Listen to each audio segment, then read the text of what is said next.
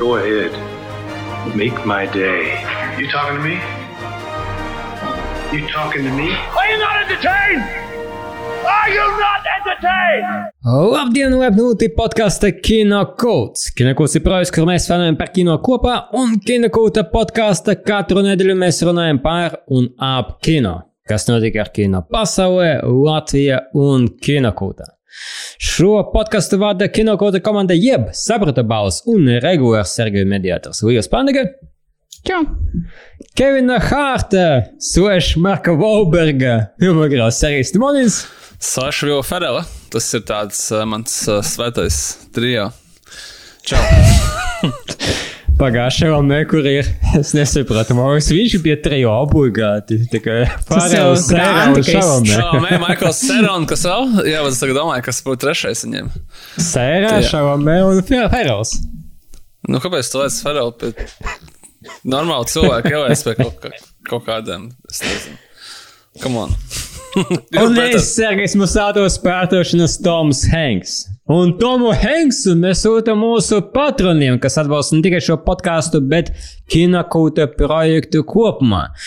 Kā arī šo podkāstu atbalsta LMT Vietőze, par ko viņam sakam lielu paldies. Šoreiz podkāstā mēs izrunāsim par nemirstīgo Keidžu, par to, vai Kevins Hārts ir labs aktieris vai aktieris. Bet sāksim ar vairumu no ziņām no Netflix. News, everyone! Uh, tieši bija diskusija, ka vajadzētu kā salikt kaut kādas, kas ir noticis jauns, un tad beigu beigās sanāca tā, ka mums ir astoņi punktu ziņas no Netflix. Un, un vēl, Kas un, vēl, ši, un vēl šis tas, jā. Un uh, vajadzēs atsevišķu kategoriju tam kaut kādā brīdī. Es nezinu, es atsevišķi esmu podkāstu? par tevi baigi priecīgs. Esmu īstenībā kaut kādā ziņā. Nu, Nezinu, vai var vai nevar priecāties par to. Es atceros, ka uh, bija off-topikā mums ir uh, kaut kur bija Colliderā vai First Showing vai citās kino lapās. Viņiem ir uh, kategorija, un Netflix jau kaut kādus gadus. Mm. Un es domāju, ka sākumā tas bija clickbaits. Nu, kā cilvēks skatās Netflix, un viņi skatās, o, ko noskatīties, uzkliko vairāk kliku, vairāk apmeklējumu, vairāk naudas. Bet tagad uh, tas nav clickbaits. Tas tā tiešām vienkārši, vienkārši notika. Nu, Jeb, uh, kas notiek Netflixā, viss notiek.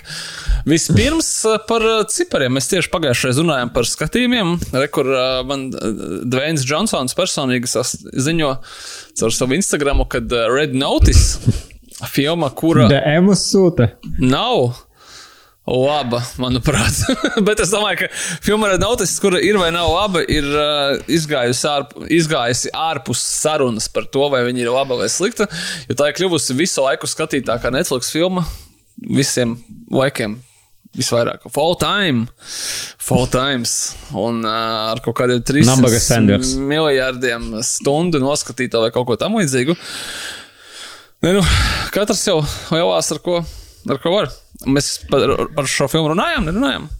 Kaut kā viņam izpalika. Ja? Nu, jā, tu runāji vai nerunāji, jo mums Līva, tu esi redzējusi? Es vēl neesmu. Es gaidu, Nu, ka tad tu tas esi vienīgais redzējis. Es, vai tu gaidi, kad mēs to skatīsimies? Jā, Jau būs ilgi jāgaida, man liekas. Visticamākais, ka forever. Es, es, uh, es jau pērnu ziņas, vienkārši gaidīšu visu trilogiju, jo man liekas, ka tas pirmais vai nestāsts nav noslēdzošais. nē, nē, nē, nē. Nu, re. Un, ā, Līdz ar šo ziņu nāk tas, ka ā, būs arī otrā un trešā daļa, protams, un ā, viņas filmēs kopā. Vai no izdevīgāk, vai jau ātrāk. Vai... Es, es nezinu. Nē, nu, grūti pateikt. Tas dažkārt daudz mums klausās, un, un daudz noteikti, kas mums klausās, arī noskatījās. Bet īstenībā es tā padomāju par šo. Nu, ok, fine, viņi visu laiku skatītākā filma, bet ko tas, ko tas metriks vispār nozīmē?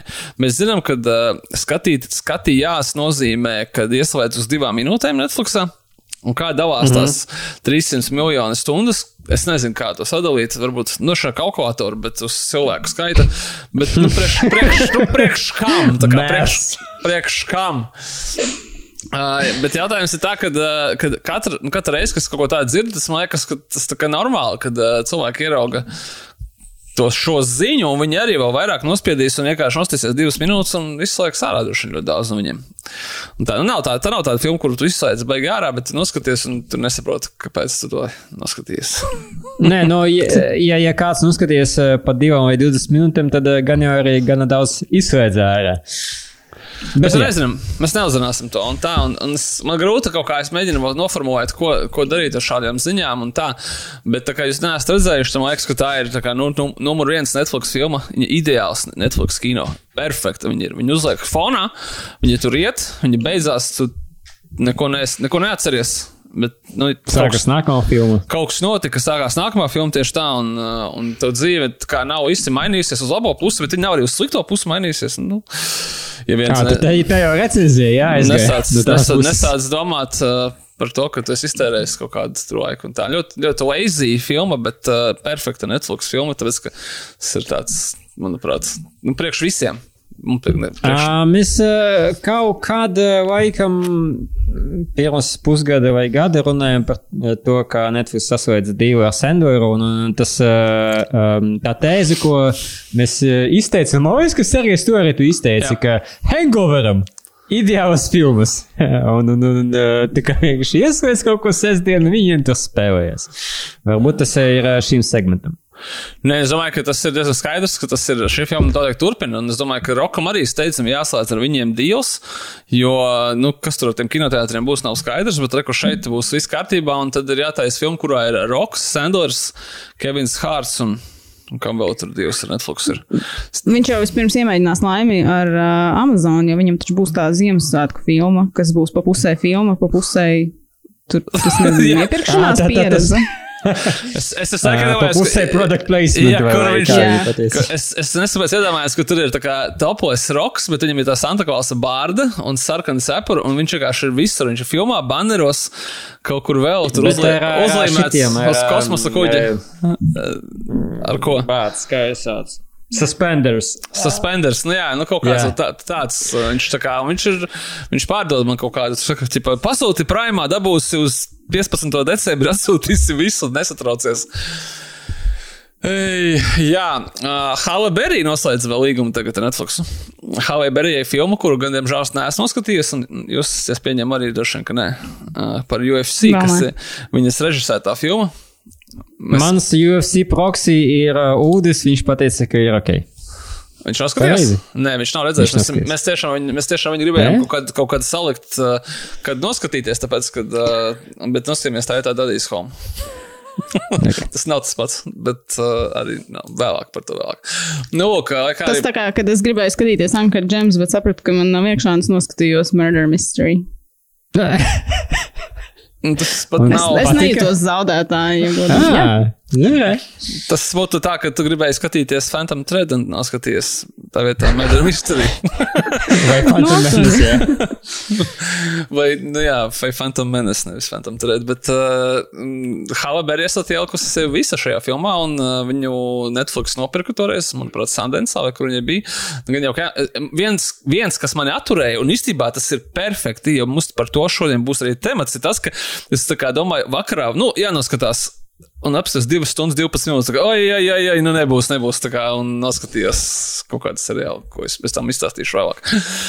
Bet, uh, lai kā arī nebūtu, acīm redzot, tas kopumā sanāca vēl ilgāk, vai ne? Protams, sanāca ilgāk, bet uh, nu, tā, tā ir cita, tas ir temats citai diskusijai. Nevis, nevis šīs, kāpēc mēs skatāmies seriālus, kas beigās ir ilgāk nekā nostīties vienu filmu tā vietā.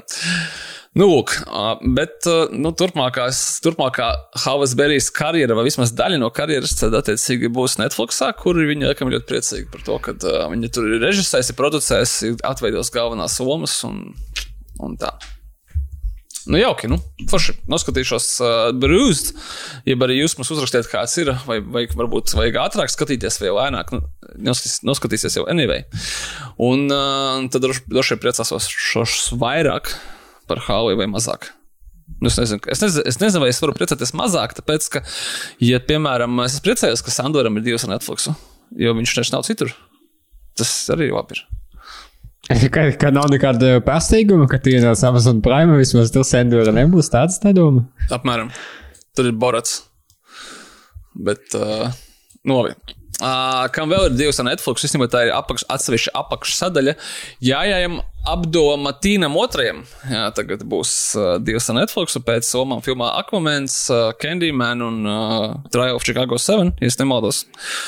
Un Watchmena, protams, jā, šis uh, aktieris ir noslēdzis līgumu ar Netflix. Vai jautājums tas ir tādēļ, viņš uh, nepiedalīsies uh, Džordža Millera Furiosas filmā, jo nesen bija paziņots burtiski šajās dienās, kad uh, viņš viņu aizvietojas cits aktieris. Ir. Pēc tam uh, tas nav tā, ka. Toms Bergs.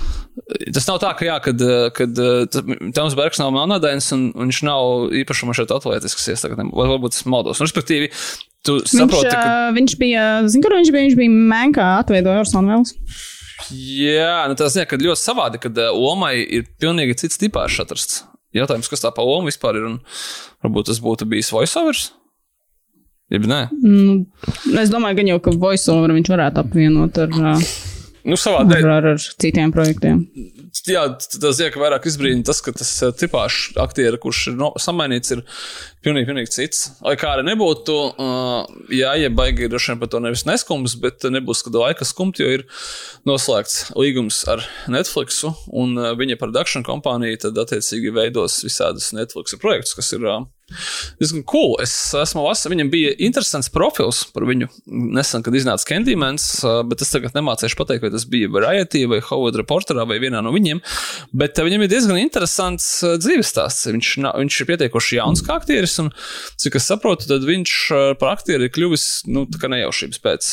Un pie tam jau mācoties universitātē, viņš tur kā klasiski aizgāja, pamēģināja varbūt. uh, varbūt būs interesanti uz aktieru meistarībām. Un nākamais, kur viņš ir, ir akmens.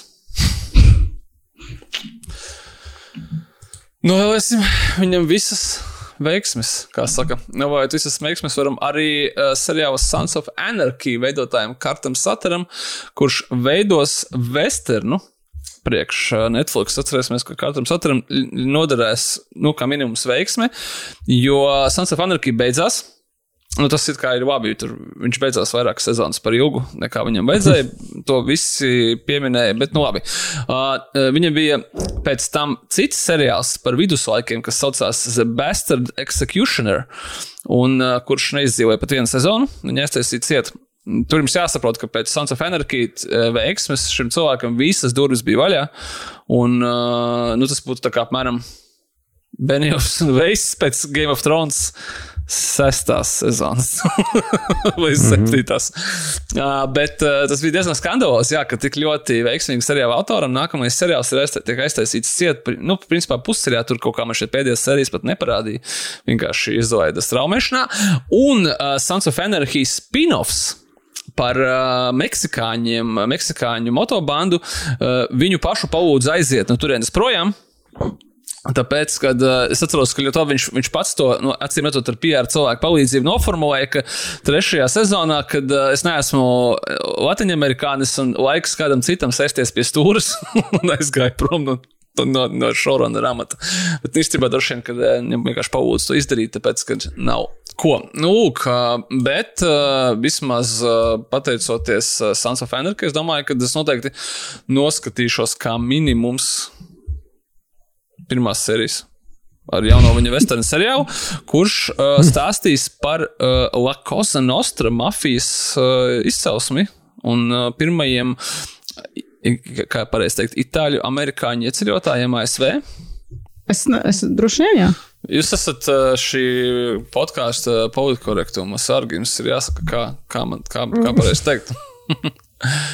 nu, skaidrs, ka uh, es domāju, tā, ka Sons of Anarchy vai, piemēram, The Shield. Uh, es redzējis tādu seriālu. Nē. Es redzēju The Wire. Jā, bet man ir, man ir tā kā divi seriāli, kurus es saku, jā, jānoskatās dzīvē, līdzīgi kā jānocērt koks tur un kas tur bija jāizdara. Ā, Jāiestāda koks. Nu, same thing. Soprano un The Shield. Uh, un tie ir, uh, un tie ir uh, tādi, kas ļoti gari, un tiem ir jāsnimās. Bet agrāk vai vēlāk es to izdarīšu. Galu galā Anarchy es pievarēju, un tur ir septiņas sezonas. Es pievērēju How I Met Your Mother, tur ir deviņas. Nebija vērts. Es kaut kur apstājos pie piektās, un uh, es to pašu pateikt, kad uh, Nē, nu, uz 4. 5. viņš bija fine. Nu, jā, es teiktu, uz 3. un 3. ieskaitot, bet, nu, jā. Anyways. Kas ir garākais seriāls off-topikā, ko jūs redzējuši? Pēc minūtēm, nevis pēc sezonām. Tāpēc, ka kā jau mēs jau madara 20 minūšu serijas. Uh, it's always sunny in Philadelphia, tagad ir 14. Es tagad domāju. Tu skaties viņu, ja? Visu. Uh, es, uh, es pēdējās divas sezonas neesmu redzējis, bet uh, ne jau tāpēc, ka es atmetu, vienkārši tāpēc, ka vēl nepiecielos. Bet ne, to es, to es vēl paspējuši izdarīt. Uh, jo, jo, teiksim, South Park atmes pēc, I don't know, devītās kaut kas tāds. Hmm. Līva? Es tagad aizdomāju, es, es nezinu, var, zin, kas varētu būt. Teiksim, varbūt kaut kas no sērijas kā House, kas ir tā kā, nu, nu negluži stundīgie, bet, nu, kas mm -hmm. ir tie uz stundu ar, ar reklāmām, kuram vienkārši ir daudz sezonu un daudz sērijas, sēriju. Jā. jā. Un tad tur, man liekas, savāktos tās stundas, jo, teiksim, uh, kaut kam varbūt tur bija vairāk sezonas, tam pašam, nezinu, Game of Thrones, bet viņiem jau tur ir tikai mm -hmm. maksimums pa desmit sērijām, un tad tur to stundu nav tik daudz. Tur jau tā, ka mēs šeit Game of Thrones ir kaut kādas 60 stundas kopumā, tāpēc kā Breaking Bad un ar visām savām piecām sezonām. Tur nu, tā, nav baigi daudz vaira arī. Tas pats tur ir beigās vispār 8, sezonā. Fū, tad, jā, 5. sezonā 8 sērijas. Es domāju, ka kaut kas vai nu Lost, kur ir 6 sērijas pa 20. Uh, nu, nē, arī tā kā laikam uz beigām viņi, viņi uh, pa. pa 11 sērijām lika. Mm, jā, Vai pēdējās divas sezonas or something. Un jo viņi tad dav, sāka daudīt jau sezonu. 24 es redzēju. Sešas sezonas, stabili. Varbūt septiņas. Vat grūti pateikt. Nē, es līdz, beigām, un neesmu redzējis tos. Es redzēju vienu sēriju. To pirmo sēriju. I mean, tu, tā kā, you get the idea. Tur nemainās diezgan fundamentāli nekas vairāk. Es iegūlēju, cik hausam ir uh, sezonas, bija 8 un 177 sērijas. Un es viņu visās esmu redzējis, tā ka es domāju, ka tas ir diezgan labs kandidāts. Okay, uh, bet, man arī. bet, uh, nu jā. Nezinu, nu, jāpadomā, tur būtu jā, jāiet pamatīgi cauri redzētajiem. Nu, labi. No citiem no, ja skatīties vispār, cik daudz laika es veltīju kādam serijām. Tad, Friends, kas ir ja tikai desmit sezonas, bet noskatīts desmit reizes, so simt sezonas. Eh. Vai vairāk kā hausu. Es nebiju jautājums. Tu domā tikai desmit reizes? Nu jā, droši vien, ka nē. nu jā. Ok. Es, no, no, no judging, no judging. Bet, uh, nu, labi, ejam tālāk. Kas, sure. kas šajā podkāstā nav no judging. Jā, mēs jau dzirdējām iepriekšējos podkāstos, tā kā nevērš. Nu, labi, šajā nebūs citādi. Ejam tālāk, kas mums vēl Netflixā ir uh, no muzikālām filmām, bet tagad šeit uzmanīgi uh, grupai Gorillas uh, būs uh, sava filmetrāžas filma, un uh, jā, viņa būs Netflixā, un laikam tas arī, uh, tas arī viss, kas jums ir jāzina. Par to mēs. I mean, tas tā nav sliktāka ideja, ja viņi uztaisa tādu feinu mūziku. Why not? Viņam uh, klipi jau bija pa pusē uz. uz uh, uh, feel cinematic, tā teikt. Uh, Jautājums, tā kā... Vai tu esi so long, kāpēc tas nav kaut kāds jau seriāls vai kaut kas mm -hmm. tāds? Neprasa, ka tie personāži ir izdomāti un, uh, un viņiem. Ah, nu viņam bija, cik saprotu, vasu web series, kurais laikam pavēt garam un crossover with Powerpuff Girls, kas arī laikam bija pavēc garam kaut kas. Bet, nu. Nē, esmu sakojis, cik ļoti viņi dara ārpus mūzikas un arī tur laikam rūt nedaudz galvu. Tur ir zināms, kādā stilā būs tā filma. Animācija? Viņi, nu jā, bet kāda animācija? Jo viņi, man liekas, visādos ir parādījušies. Man liekas, arī paši savos klipos, ja tagad baigi nemaldos. Ne? Bet tu zini, ka man šeit mūsdienās tas ir tāds ļoti triki jautājums, ņemot vērā to, ka jebkura animācija ir 2D un 3D kā krustojums. Izņemot, varbūt tur uh, strikti mans mīļākais karš vai kaut kāda tāda tipa. No, ka, tur, ka tas ir tā kā 2D, vai gan tur es arī tagad nevarētu apgalvot, ka tur nav kaut kā 3D. Man šķiet, ka jebkur, nu, tā kā viņas tiek animētas uh, digitāli, un to es nevaru tā baigi pateikt, kas ir, kas ir 2D vai 3D vai kur ir kaut kādi elementi. Un es, es, esmu diezgan drošs, ka šeit būs ļoti līdzīgi, un uh, neskapēc, ka man pasaka Garīlas uh, filmetrāžas animācijas, ne animācijas filma, bet animēta filma. Es iedomājos par Spider-Manu Into the Spider-Verse. Nu, vai kaut, kaut kā, nevis tāpēc, ka būs līdzīgi, bet tāpēc, ka varētu būt arī tāds kaut kas tāds neparastāks, citādāks. Es vismaz tā noteikti gaidītu. Gaidīsim. Jā, Un viņi pēkšņi, izklausās pieņemami. pēkšņi uztaisīja savu eļļu animāciju, vai arī pasūta Ārmanam no postelīnes sataisīt viņus visus. Bet uz kaut kādiem uh, epizodēm uh, būtu forši. Uh, Apziņas tiem, kas taisās braukt uz Prāgu kaut kad tagad. Tur Un varēs, un Līvai, jā, varēs satikt uh, Krisu Hemsvortu, kurš tur filmē Extraction. Es, Extraction 2. Bet mēs nezinām, vai tas ir. Tāpēc viņam visu Instagram pilnu ar to, kā viņš tur staigā apkārt. Jā, jo tas, kas bija pagājušajā vasarā Pragā, un, un tā kā tur ir puses centrs noslēgts, un tur Ruso brāļi filmēja to, kur bija um, Kris Evans un Rēns Goslings. Un tur arī tā, to Greyman? visi lokālai mēdī par to raksta, bet nu jau tādā intonācijā, ka blīna atkal nevar normāli uz veikalu aiziet, tur kaut kāds Kris Evans stāv, cik var jau tā kā lūdzu ļaujiet dzīvot normāli. Bet bija diezgan iespaidīgi, tur bija tā, ka tiešām norobežots ļoti liela daļa no centra, un uh, tu redzi, ka tas tā kā ir masīvs, masīvs uh, ieguldījums pilsētas budžetā, un tāpēc es nebainos, ka uh, Net- Netflix droši vien tur tā kā ir izīrējis vienkārši Prāgu uz kaut kādu periodu. un maina tikai filmas, un vismaz es tā noteikti darītu. Nu, lūk, un lai kaut kādā veidā mečotu šos, šīs visas daudzās ziņas un visus uh, Halas Berijas, Jājas Abdulus, Matīnus un Kurtus Saterus un viņa jaunos darbus un Gorillas, protams, uh, Netflixā. Disney nenāca klajā ar tik daudziem anonciem, bet vienkārši pateica, ka viņi nākamgad ieguldīs 33 miljārdus dolāru jaunā saturā. Šeit gan jāuz, jā, jāpasaka piezīme, ka tas ir ieskaitot uh, arī televīziju, kas nozīmē, tas ir televīzijas kanāli, ESPN, sporta licences un tā tālāk, bet nu, skaidrs, ka uh, es domāju, diezgan būtiska daļa no šī.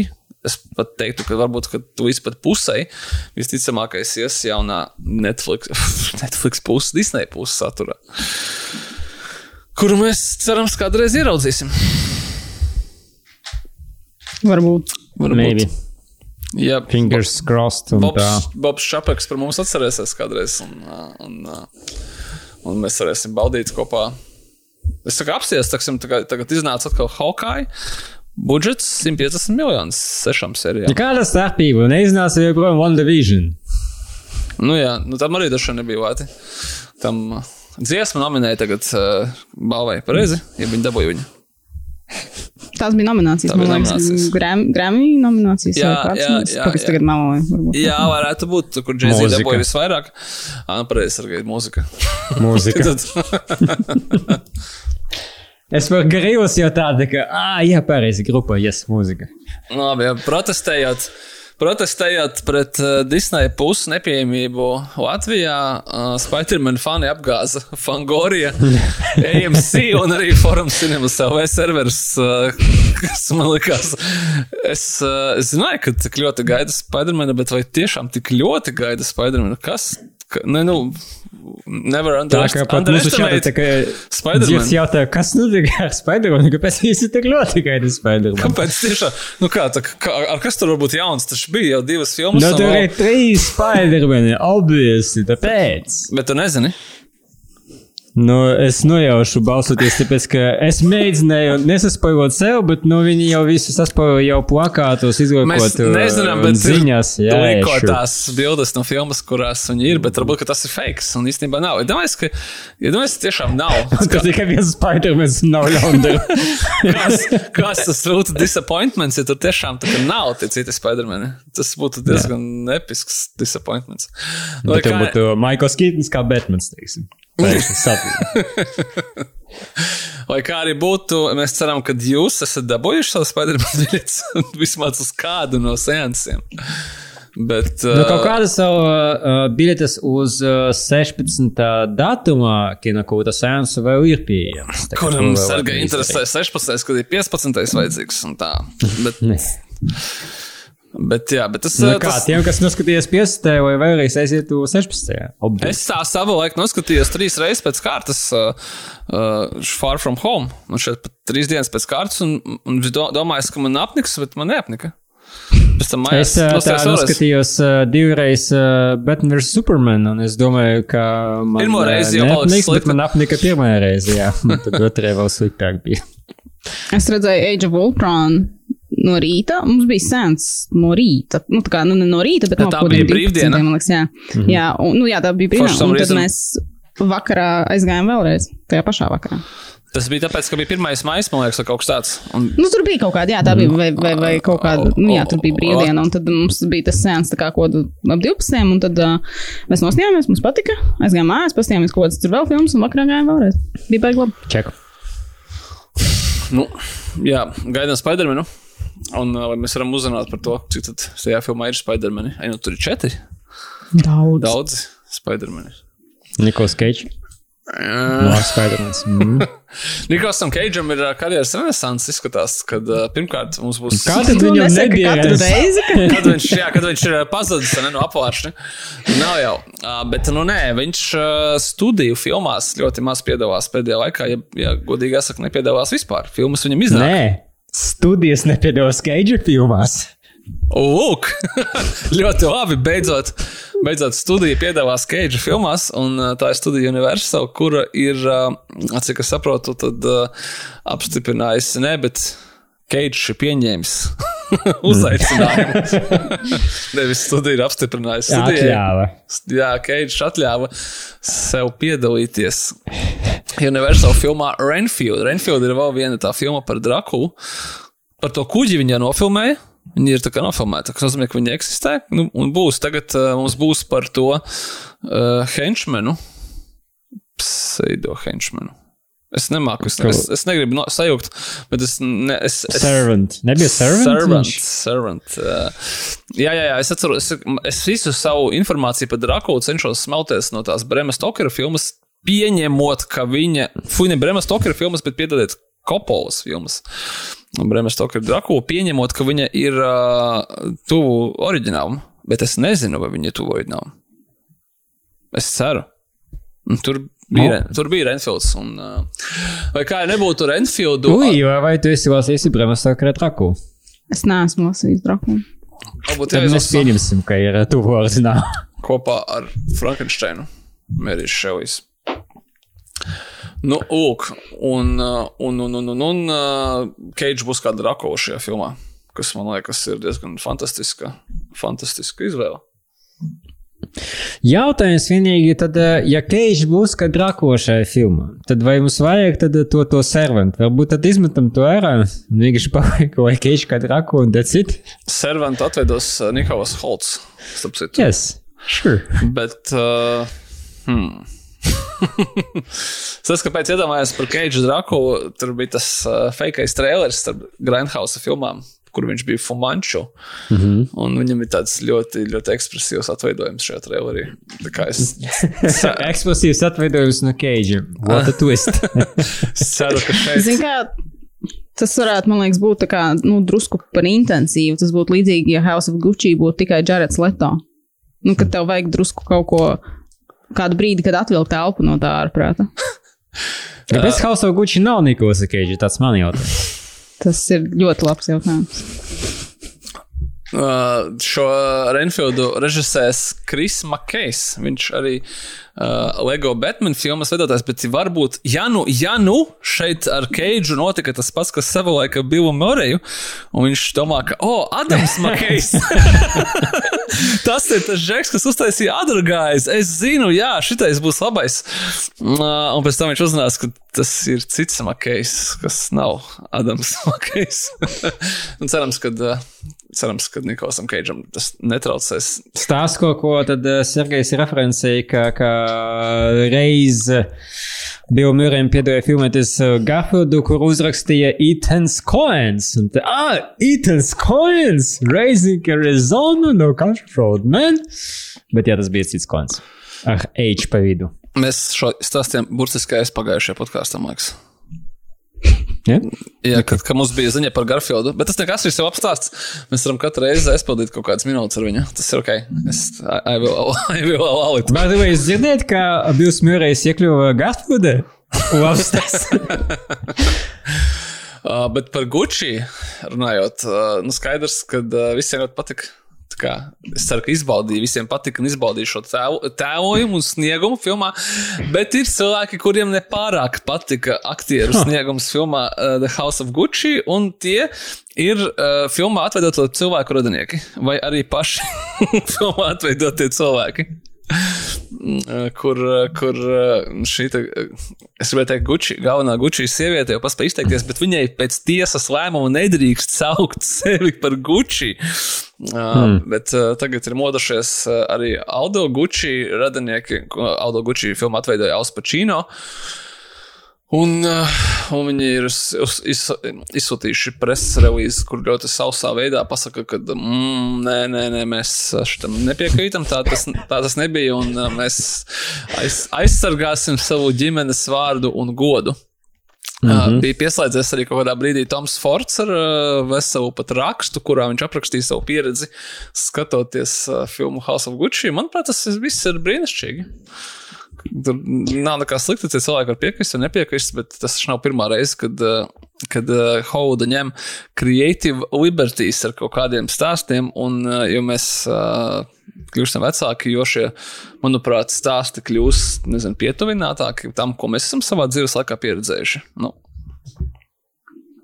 Tur uh, Skots jau paspēja atbildēt uh, uz uh, tām sūdzībām. Tipiskā skota stilā viņš teica, ka, nu, ka par, par šo kritiku, ka tā esot alarmingly insulting.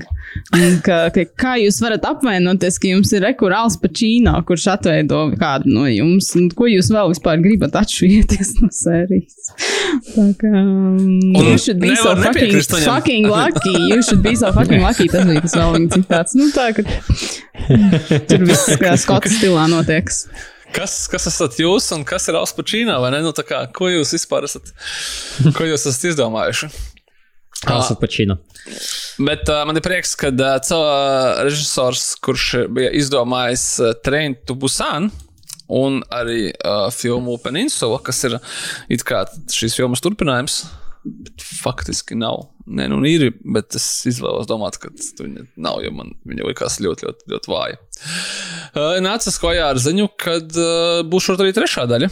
Vienīgais nav skaidrs, vai tur viņi turpinās vilcienu tēmu, vai viņi turpinās to uh, peninsulu tēmu. Jo nu, tie, kas redzējuši, sapratīs, ka tur tiešām ir tik liela starpība, ka, ka ir jāizlemj, ko tad īsti gribās tā, da, darīt tālāk. Bet likās ļoti interesanti tas, ka intervijā. Ņemot vērā, ka viņam ir uh, jaunākais projekts Netflix, tas ir seriāls Hellbound. To jūs kāds esat noskatījies? Nē, nav. Arī nebūs. Mm. Nu, labi. Es uh, mēģināšu paņemt to uz sevi uz nākamo reizi. Es biju arī šoreiz gribējis, bet uh, tu tikai sešas serijas ir. Katra zem stundas, kam on, tas pat nav tas tā kā filma.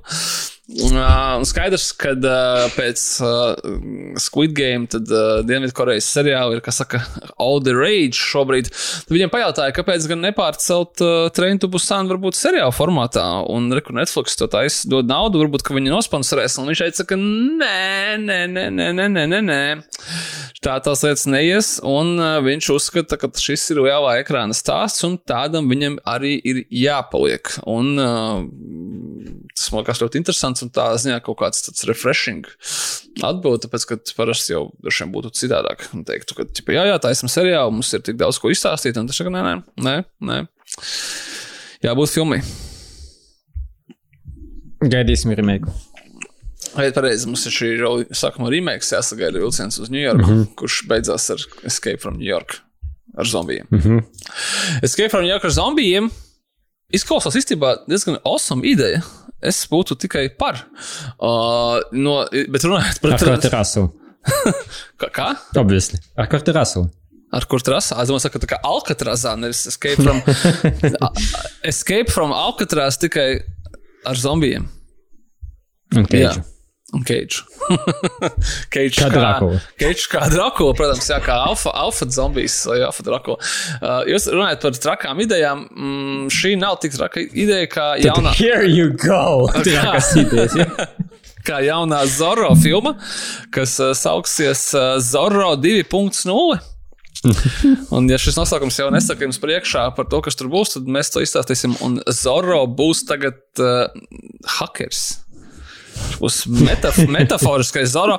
Nē, id, es saprotu, kāpēc tā tas ir domāts. Ja viņi paņem un uh, to šo personāžu, nu, viņa būtību, tad viņš jau cīnījās pret uh, varas iestādēm, teiksim tā, un mm -hmm. aizsargāja sure. labos cilvēkus, labos fermerus, kas, kuriem neļāva uh, normāli uzelpot un lika visādas klaušas, un uh, mūsdienu Zoro, attiecīgi, tad, uh, nu, kalpos labajiem cilvēkiem sabiedrībā un hakos korporācijas vai kaut kādus mm, sliktos ierēdņus, es nezinu, ko vēl, kas mēģina kaut kādā veidā apčakarēt parasto cilvēku. Mūsdienīgais viņiem izdomāja jau product placement šai filmai. Gatavs Firefox. Viņš hakos Firefox, jo Zora nozīmē lapsa. Aha, ko, ko tik mēs neuzzinām podkāstā? Es nezināju to. Mm. Un tad rekur ir uh, pilnīgi jau absolūti skaidrs, uh, skaidrs kā, kā mhm. -huh. monetizēt šo jautājumu. Bet, jā, okay, bet runājot nopietni, nu, jā, manuprāt, tas ir kaut kādā ziņā tas, nu, ka vienīgais, ka, ja, teiksim, uztaisīs jaunu filmu par hakeri, tad droši vien, nu, tas nav tā, ka baigi, nu, tā kā exciting, jo mēs esam redzējuši dažādus hakerus tur no, No, Hugh Jackman. No Hugh Jackmana, jā, tā ir brīnišķīga filma par hakeri. no Hugh Jackmana līdz Krisam Hemsvortam, ot, pareizi. Es ceru, ka jaunais Zoro būs kā minimums Dwayne Johnsons. Jā, pareizi, es esmu Krista Hemsvorta hakeri. Krista Hemsvārds hackers bija nu, šeit brīnišķīgs. Nu, tikpat brīnišķīgs. Nu, vai arī Rāmija Maleka hackers, visādi hackeri bijuši, mm -hmm. bet, uh, mm -hmm. kad tu pasaki, ka viņš būs arī Zorro, tu tā kā uzreiz, hmm, ok. Nē, nu, I mean, viņš vienkārši paņem savu niknējumu Zorro. Nu, labi, es nezinu, vienkārši tad uh, kāda veida tieši šīs būs Zoro, ja tas nav. tas nav Zoro, nekam on. Tas neskatoties, es saku, man, man atgādina manu vienu vis, visu laiku mīļākajiem nerealizētajiem projektiem kino vai Hollywoodas kino vēsturē. Tas bija tas Vačovs, kur režisētais nākotnes Robins Huds ar Vilnu Smitu, kur viņš būtu starp kaut kādiem citu planētu debeskrāpiem, valpīs, droši vien kaut ko un tā tālāk. Ot, ot, kur cilvēkiem ir fantāzija. Tā kā Zoro hackers tas vēl nav, nav pats. Jā. Uh, mums, man šķiet, ka mēs esam pat šajā podkāstā runājuši par dažādiem uh, citiem Zoro šī podkāstu vēsturē. Par tiem pagaidām nekas nav dzirdēts. Tā kā novēlēsim. Jā, kas ir, kas ir mūsdienu Zoro? Tas ir Batmans. Batmans jau Zoro. Batmans. Ir, viņš, Ja? Nu, visa Zora Šteila ir tas, ka, ka viņš ir divi tie tēvi. Nu, arī atcerieties savu Andilonu, teiksim, viņš ir gan bagātais, gan tad, uh, tas Avenger uh, Zora, Vigilante Zora. Nu, Bruce Waynes, uh, kura vecāki nomira ejot ārā no operas vai no filmas Mask of Zorro, nu, dažādas versijas. Jā, jā, pareizi, pareizi. Tas viņš bija. jau ir Zora. Nu, mm. vienkārši iedodiet mm. Bruceam Wayneam laptopu un vai haku. Kaut ko gribētu pateikt. Ah, es pat gribēju pateikt, ka tas varbūt jānoskatās beidzot ir tie banderas Zoro vēlreiz jāpārskata. Jo es, es, es saprotu, ka uh, es, pa, es papildus motivāciju filmai kaut ko pārskatīt, man dos Antonija Hopkinsa dalība viņā. Jo viena no filmām, ko es noskatījos, bija arī Wolfman. Tā nepārāk veiksmīgā 2010. gada ekranizācija ar Benicio del Toro. Mm, es neskatu, kāpēc biju atcerējies viņu stipri labāk nekā viņa beigās izrādījās. Nu, nu, kā, nu, nestrādā tā filma. Bet Labā ziņa tāda, ka tur ir pilnīgi mentāli Hopkins, kurš ir um, tikpat labs, kā viņš ir trans Transformeros The Last Night.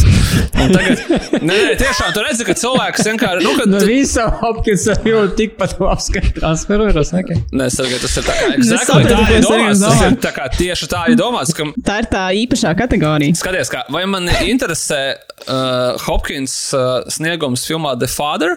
Es pilnīgi godīgi pateikšu, man nepārāk interesē. Un es viņu droši vien neskatīšos esi redzējis? Okay. Nē, es viņu novērtēju. Es kā, gribu viņam iedot visas balvas, bet vai man tas interesē kā cilvēku? Mm, es teikšu, godīgi, ka, well, es zinu, ka Hopkins ir izcils aktieris, so, I mean, sure, it's good. Bet vai mani interesē Hopkins sniegums Transformeros un līdzīgs sniegums, kā ir, teiksim, filmā The Wolfman, kur viņš vienkārši vienā brīdī sāk spēlēt harmoniku? Ainas vidū, un es esmu diezgan drošs, ka neviens nezināja, ka viņam kabatā ir harmonika, kurš tagad sāks spēlēt ainas vidū. Ieskaitot režisoru? Es domāju, ka jā. Es domāju, ka tur pilnīgi tur var redzēt, ka Hawkins ir pats savā, viņš ir izdomājis, kas viņš būs, un viņš tur būs ar vai bez pārējo cilvēku piedalīšanās. Vai man interesē šādas Hopkins performances? Man viņas interesē so much, kad es tagad mēģināšu atpakaļ gaitā eh, skatīties filmas ar Hopkinsu un saprast, kur tas viss sākās. Šis viņa uh, so, uh, solis brīvsolē, es neatceros, vai, vai, vai Zoro bija kā, nopietnais Hopkins vai viņam tas bija tas mental Hopkins. Mm, Tīri nopietnais, jā, viņš nebija tur uh, baigi Bet varbūt tagad, varbūt, ka tagad, noskatoties, redzu, ka tas ir tas. Es ceru, es ceru, es, es mēģināšu saprast. Jā. Bet, uh, bet uh, vismaz uh, Wolfmanā ir ekstravagantais Hopkins, ko es biju kaut kā piemirsis. Vairāk tādu Hopkins. Uh, Hopkins bija, es atceros, neskapēc, uh, baigi fans uh, ar Goslingu, tajā Frey. Fracture. Fra fracture. Jā, vat, tā, kam jāskatās, tas, tas man atzīmēts. Tu saki, tur ir trakais Hopkins, ja? Nu, viņš bija uh, īpatnī ļauns. Tev mums patika, jā. Nu, jo, jo Hopkinsam man liekas, ka baigi fēni padodas tieši tie, tie ļaunprātīgie personāļi. Bet, starp citu, starp citu uh, par Hopkinsu, teiksim, kas man ļoti pareizi palīdz saprast viņa filmogrāfiju, ir tas, ka Tad, kad viņš 91. gadā, bet patiesībā jau 90. gadā, kad tika notika jēru klusēšanas filmēšana, Hopkinsam bija, šķiet, 53 gadi vai kaut kas ap to. Nu, viņam bija virs, mazliet virs 50. Uh, un viņam toreiz pajautāja uh, Sir Antonija, bet man šķiet, ka viņš vēl nebija Sers uz to brīdi, bet es tagad varu kļūdīties. Viņam, kāpēc jūs uh, filmējaties kā maņieks uh, kaut kādā Hollywoods filmā, kad esat atzīts uh, brītu teātris un kino aktieris? Un viņš teica, ka uh, es, kā man palika 50, es uzskatu, ka es visu, ko es gribēju notēlot teātrī, tā kā, nu, checkboxam esmu izdarījis. Es esmu tur tēvojis Šekspīra adaptācijās, es esmu saņēmis balvas, es esmu visu izdarījis, un viss, sākot ar 50 gadiem, es tēvošu for fun. Un tas bija pirms jēru klusēšanas. Uh, tas paskaidro pilnīgi visu viņa karjeru, sākot ar 91. gadu, kad viņš tēvo tikai un vienīgi for fun. Es domāju, ka skaidrs, ka uh, tur tas pats The Father un citas viņa nopietnās lomas, nu, diez vai viņš to dara for fun, un skaidrs, ka viņam ir zināmas ambīcijas, Bet uh, tas palīdz saprast, ka tur nav tā, ka viņš uh, transformeros tēvot tur aiz izmisuma vai kaut kā tamlīdzīga. Nē, nē, nē, nē, nē, nē, viņš to dara ļoti apzināti un uh, viņš having fun jau ļoti, ļoti sen. Principā droši vien tik sen, cik cilvēki savā, savā tādā mainstreamā pazīst Hopkinsu. Tālāk. Ok, tad pieķersimies klāt pie mūsu sadaļas uh, plugs kur tad iepogosim pirmkārt to iespēju, ka podkāstam Kinokūts var atstāt recenziju Apple podkāstu. Mēs par to būtu ļoti priecīgi, protams, kā arī atbalstīt podkāstu un Kinokūta projektu kopumā Patreonā aiziet, teiksim, uz kinokūts.cl slash Patreon.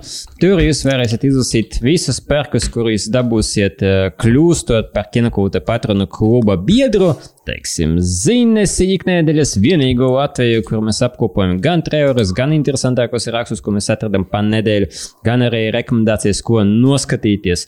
Piekļuvi iekšējiem patronu čatam, kā arī piekļuvi iekšējam sēnsiem patroniem, kurš tuvākais jau būs 10.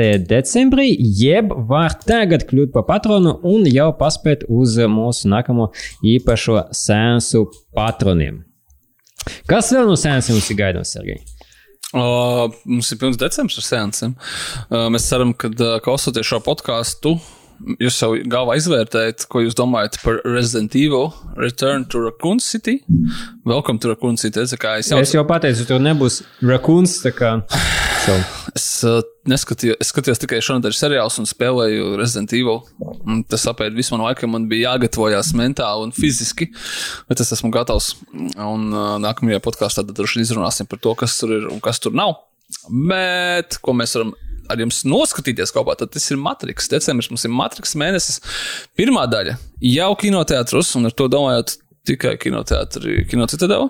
Tā nu ir sanācis. Mm, un visu decembri pirmā matriksa seansi 4K kvalitātei brīnišķīgā remasterētā kopijā, kas izskatās ļoti, ļoti labi un skan nesliktāk. Nu, un ar 22. datumu visu kopā noskatīsimies, kas tad ir mums sagatavots no Lanas Vačovskī 4. daļā, jeb nevis 4. bet The Matrix Resurrections. Uh, te mums vajadzētu ielikt to vizuālu memi, Get me tickets to Spider-Man, bet varbūt šo tematu no un, un J. Johna Jamesona bildi, bet uh, šo tematu, nekam varbūt nesavāsim, bet uh, vienkārši novēlēsim jums atrast savus biļetes uz Spider-Manu. Un pievienoties mums 15. 16.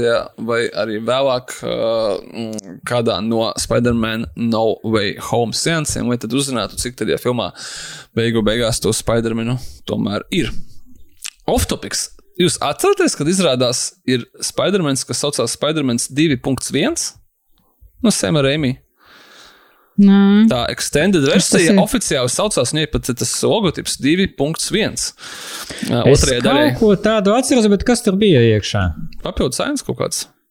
Es tagad, tagad Okay. es vienkārši. Bet tu neatceries papildus sēnes, Es, ja? man vēl tikai nākošās nedēļas laikā jāpārskata pirmais un otrais Spider-Man, kas ir domāts Sema Rēmī, bet uh, tagad skatoties. trešais? Mm, Iedot iespēju. Trešais bet man nav liekas, trešais Es jāsaka. neesmu haters, es neesmu haters. Man uh, vienkārši jau ir pietiek ar Venomu manā dzīvē. Pagaidi, bet man liekas, kā, ja tu gribi to darīt kārtīgi, nu, Es tagad zinu, es zinu. Resident Evil, tad tev ir jānes tas arī trešā, jo tu taču trailerī jau bija jāsēmēs. Man. Un tad uzreiz ir Garfield 2. So, you know. Nē, nu tad jau vēl ir, jā. Es, es Amazing sajūtu, man kāds tu Spider-Man. domāju Garfieldus, tā kā tos Garfieldus, kuros bija Vils Mūrais. Tev cita, jā, par Garfieldu. Kurš tad jūs domājat? es padomāšu par to trešo. Man es neesmu haters, es esmu viņus redzējis vairākas reizes, man ir- viņi ir fini, bet uh, es vienkārši ne, es nejūtu tādu vajadzību. laikam. Nu, Nē, ka, ka uh, trešo arī tiem cilvēkiem, kas uh, varbūt tagad jau jūt kaut kādu supervaroņu fatīgu. Vajadzētu noskatīties trešo, jo viņš nav tik slikts. Jā, viņš skaidrs, ka varbūt bija sliktāk nekā otrs, bet no Spider-Man otrs bija un joprojām ir viena no labākajām supervaroņu filmām ever. Kas Un, jā, jā, man trešie- ir jāsaprot, kāpēc. Es nekad neesmu sapratis, kāpēc Spider-Man 2 tiek uzskatīts par tieksim, labāks nekā Spider-Man 1. Atskaitot to, ka viņš ir origin story. Nu, teiksim, manā gadījumā, kad es skatos Spider-Man 1, es vienmēr aizmiegu. Mm, vienmēr. Okay. Es nezinu, kas tas ir, bet uh, Spider-Man 2 neaizmiegu. Man liekas, tur kaut kā strādā, visa tā struktūra ir laba. Tur ir tāds kaut kāds tas uh, supervaronīgais patos tam visam klāt. Nu, viņš ir tāds drusku čīzī, bet tādā labā nozīmē. Nu, kā jau viņi bija 2000. gadu pirmajā pusē, Tur sākumā. tikai Un, uh, viens ļaundars. Tur, jā, tur kaut kā viss strādā. Nu, tur tas jautājums ir- par James Franko. Tur tā. Džeims Franko ir Tas, ļaundars. kas ir interesanti, viņš, ir, viņš tur kļūst par ļaundari tieši otrajā daļā, un, un tā ir arī laba līnija, kur, kur tā viņa draudzība sarūk. Tāpēc tur sanāk tas trīs baigi foršas attiecības, kur viņam ar Mary Jainu ir attiecības, viņam tad antagonist uh, Malina, kas šoreiz ir bez maskas, līdz ar ko var redzēt viņa actually seju, kad viņi runājas ar Spider-Manu, kas ir noteikti puses attiecību uz pirmo daļu, kad bija, teiksim, maina uz uh, jumta, kur ir uh, Spider-Man maska, Green Goblin maska, viņu sarunājas, un tas ir konflikts, bet mēs neredzam viņu aktieru, ne, ne, ne William Defoe, ne Tobija Maguire sejas. Good job, guys! Un, un uh, otra daļa arī tad antagonista, man liekas, uh, šādā ziņā ir, uh, ir vēl spēcīgāks. Nu, un uh, tad uh, draudzība Franko, jeb Hariju sarūkt, un tāpēc uh, visi trīs komponentes ir baigi, baigi stipri. Te arī būs atbilde, kāpēc uh, ir tā dažādaža biļetēm par Spider-Manu. Mums te paprasīja, man, kas notiek. Es pateicu, vārds. Spider-Mans, un uh, mēs aizgājām 5 minūšu off tikai par Spider-Manu, kā tikko viņš tika pieminēts. Nu, kas vēl mums ir? Kas mums vēl mums Nē, nu, varbūt es domāju, ka tas ir reāli. Uh, Zini, kā uh, varbūt pat tiem cilvēkiem, kas uh, pirmie divi jaunie Spider-Man netik ļoti interesē, viņi tagad pagaid, Tobijs būs atpakaļ, bet tas my favorite Spider-Man. Protams, ka viņi bērk. Viņš, ja būs, tad uz vienu ainu CGI. How dare you? CGI Tobijs. Labi, uh, CGI, CGI Bruce Willis būs tajā krievu reklāmā, bet mūsu cietā riekšas sēnesos, sākot ar 18. decembri, būs pavisam īsts Bruce Willis, tādu kādu mēs viņu gribētu atcerēties. Nu, vai vismaz uz tām divām stundām arī atcerēsimies no 88. gada. Tāds viss uh, dzīvelīgs, un, un humoristisks, un foršs un fēns un tā. Un uh, mēs nekad neesam skatījušies cieto riekstu uz liela ekrāna, tāpēc tas ir jālabo. Un sākot ar 18. decembri, dažos seansos meklējiet uh, kinokuls.lv slash the hard. Un uh, tiekamies cietā riekstu seansos. Un uh, man liekas, mums pēc tam jau ir sānuncēts kaut kas uz janvāra, tā kā man ir vienkārši jāiesprauž tas, ka 13. kas nav piekdiena, bet ir ceturtdiena. 13. janvārī skatīsimies Scream. Kas ir ar iekavās pieci, bet īstenībā bez iekavām. Pirmais scream bez Vesa Kreivena, diemžēl, bet ar visiem jau iemīļotiem varoņiem. Tā kā burtiski visiem, kas palikuši dzīvi, nepriekšējām daļām, nu, varbūt arī kādu, kurš brīnumainā kārtā izrādīsies, ir dzīves. Tā ir bijis iepriekšējos skrīmos, un nav pamata domāt, ka uh, varētu nebūt arī šeit. Lai kā arī būtu, es domāju, ka uh, tas ir kā minimums ļoti, ļoti intriģējoši. Un uzreiz 14. un 15. mums būs divas dienas, kad es noskatījos leģendāro Japāņu animācijas filmu Akira uz liela ekrāna, jeb uz Forum Cinemas iSense ekrāna. Nu, tas ir tāds, man šeit, piedzīvojums, vai kino pārdzīvojums, kas ir jāredz, ja nekad iepriekš nav redzēts, tāpēc, ka nav skaidrs, kad vēlreiz kaut kas tāds būs iespējams. Oh, I'm sorry. Did I break your concentration? Mums šoreiz nav galvenais temats, bet mums ir galvenais jautājums no klausītājiem. Jeb no klausītājas Elīnas, kura, by the way, ir arī kinoteātra, kinocitadēlē repertuāra vadītāja. Repertuāra vadītāja. Svarīgs cilvēks, kurš nolēma, ko mēs skatīsimies. Un... Viņas jautājums, kāpēc pēdējos gados uh, filmas no Holivudas ir tik garas, un pēc tam Sergejs nevar tās noskatīties. Un tā vieta noskatās seriju ar Kevinu Hartu, kas izrādījās ir vēl trīs reizes garāks nekā tā sākotnējā filma. Un labāks. Tad Sergej, kāpēc? Why? Es nezinu, man nav, man nav šeit atbildes. Es uh, veicu izpēti internetā. Tagad pēdējās 5 minūtes. Nē, arī, arī mazliet agrāk. Un īstenībā pirmā atbilde, kas mums nāk ārā, ir, uh, filmas mūsdienās ir tik garas, tāpēc, ka uh, because there is now less financial pressure to keep them short. Lai ko tas arī nozīmē. ok, uh, tas ir tā, tā juridiska atbilde, ja no studijām pataisnu. Uh, es domāju, ka uh, tas ir, nu, kā, ja tas ir ļoti, ļoti, ļoti īsumā, tad uh, ir mainījies uh, kino patērēšanas veids. Es pat nedomāju to par kaut kādām straumēšanas servisiem. Kā te, es, okay, es tagad neskatu, neskatoties internetā, kur ir vairākas atbildes, tas ir dažādas uz šo, nu, kas no ķipa, industrijas ekspertiem. Mēs esam industrijas eksperti, un mēs sakām to, ka. Kāpēc skatīties internetā, vai ne? Vai ne? Un, nu, var vienkārši pasies, ko citi par to domā. Tā ir līdzīga kā ar filmu recenzijām. Kad uh, ekrāna ir vairāk, tas ir viens.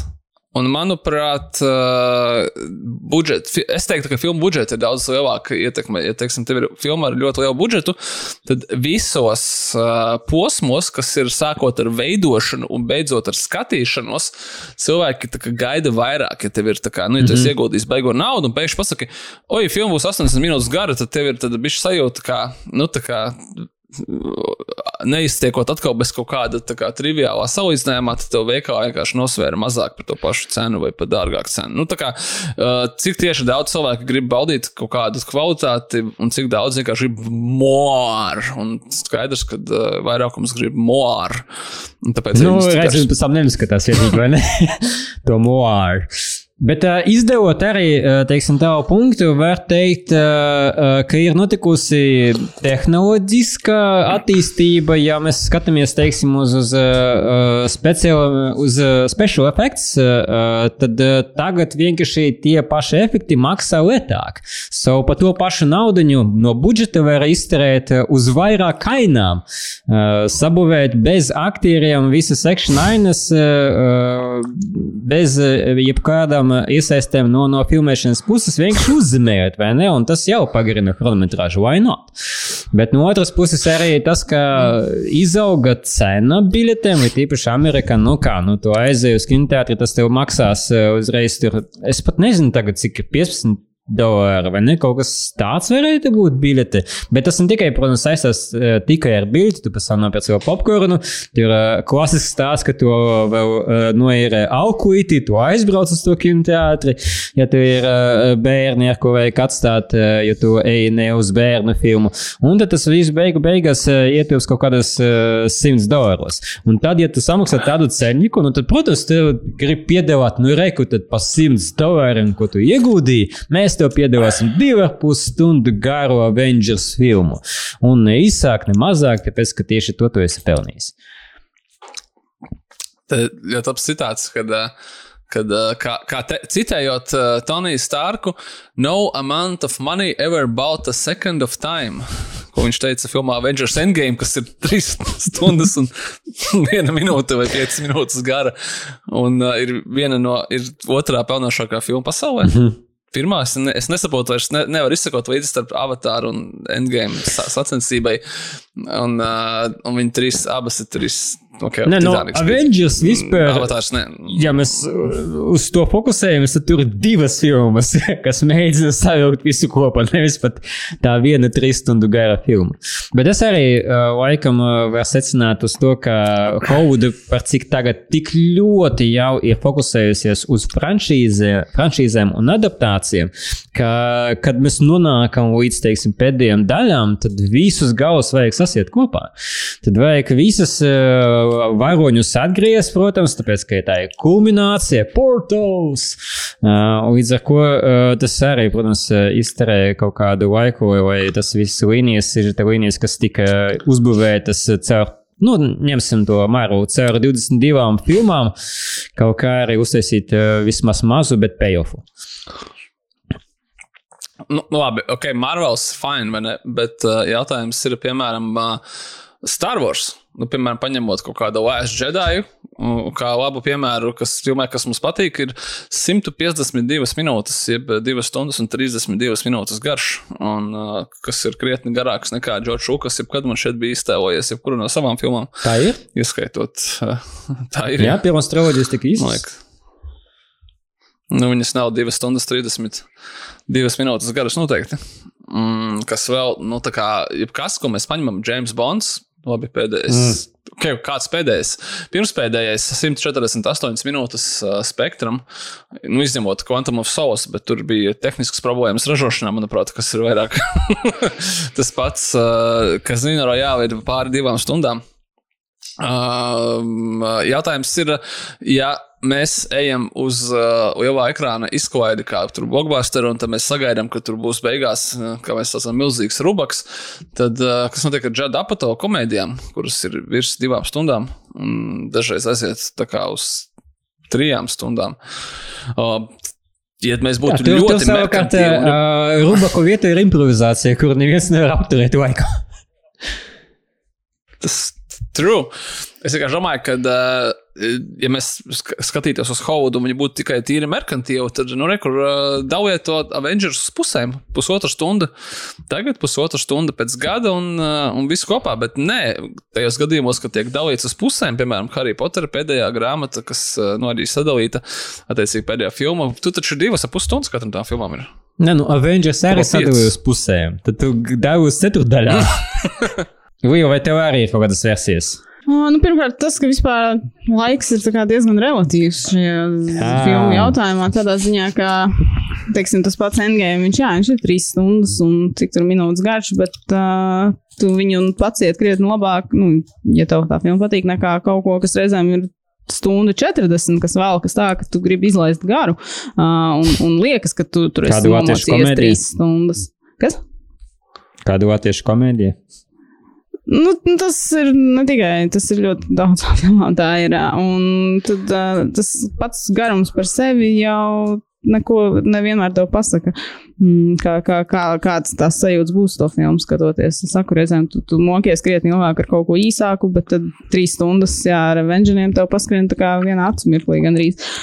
Un, man liekas, varbūt vēl viena lieta ir, kāpēc tās filmas ir kļuvušas garākas, ka, zinām, mums ir visi šie kanāli, tur cinemasins un viss kaut kādi, ka cilvēki ir, nu, kļuvuši krietni kaut kādi piekasīgāki tam visam, ko mēs redzam uz ekrāna, un, kad, man liekas, līdz ar to ir varbūt kaut kāda, nu, es, nezinu, es nedomāju, ka viņiem baigi rūp, ko cinemasins saka kaut kādām Hollywood studijām, bet, ka, nu, ka arī cilvēki vispār kaut kādas uzmanības spējas arī paliek sliktākas, ka ir kaut kāda, man liekas, tendence pārāk paskaidrot lietas, ka viņi sāk likt iekšā lietas, ko varbūt citreiz tev nu, nevajadzētu tur, jo tu to visu tāpat ļoti labi saprastu, bet viņi kaut kā vairs neusticas tiem skatītājiem, un tad sāk pār, pārpaskaidrot kaut ko, un tad tās vilnas uzblīst, un tad, ja tev katram sīkumam ir jāuzskaita, kas un kāpēc tur tieši tā notika, jo citādi kāds kaut kur ies un klieks par ātru plāthols kārtējies vai kaut ko tādu, un ka, ka tāpēc viņas varbūt arī paliek ar vien tādas masīvākas. Bet tā ir tikai teorija.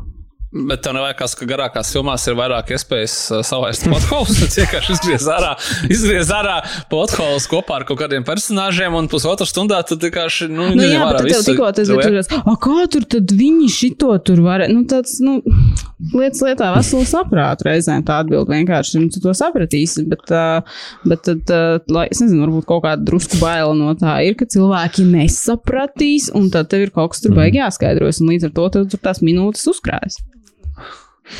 Vai arī pasaki, ka it's family. Nu, tas ir arī vienmēr variants.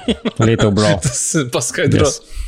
Paskaidro visu, visu vienmēr un visur. Bet, uh, nu, bet zini, kā okay. mēs varam arī runāt par to, ka Hollywood tagad pēdējos gados ir uh, garas filmas, bet tā arī nav īsti taisnība, tāpēc ka Hollywood garas filmas bija posmos eh, diezgan, eh, nu, es zinu, vairākas reizes. Eh, ja mēs skatāmies uz pašu, pašu sākumu, tad tik līdz iemācījies līmēt kopā rīlus, no kurām tad viens rīls ir 15-20 minūtes nu, no lentes, vai ne? Un kad viņi sāka tehnoloģiski iemācīties savienot tos kopā, tad pirmās filmas, kas ar to tika veidotas, teiksim, Griffith Birth of Nation vai Intolerance bija no 3 stundas gara. Intolerance bija 3,5 stundu gara, tāpēc ka tagad tehniski mēs to varam izdarīt.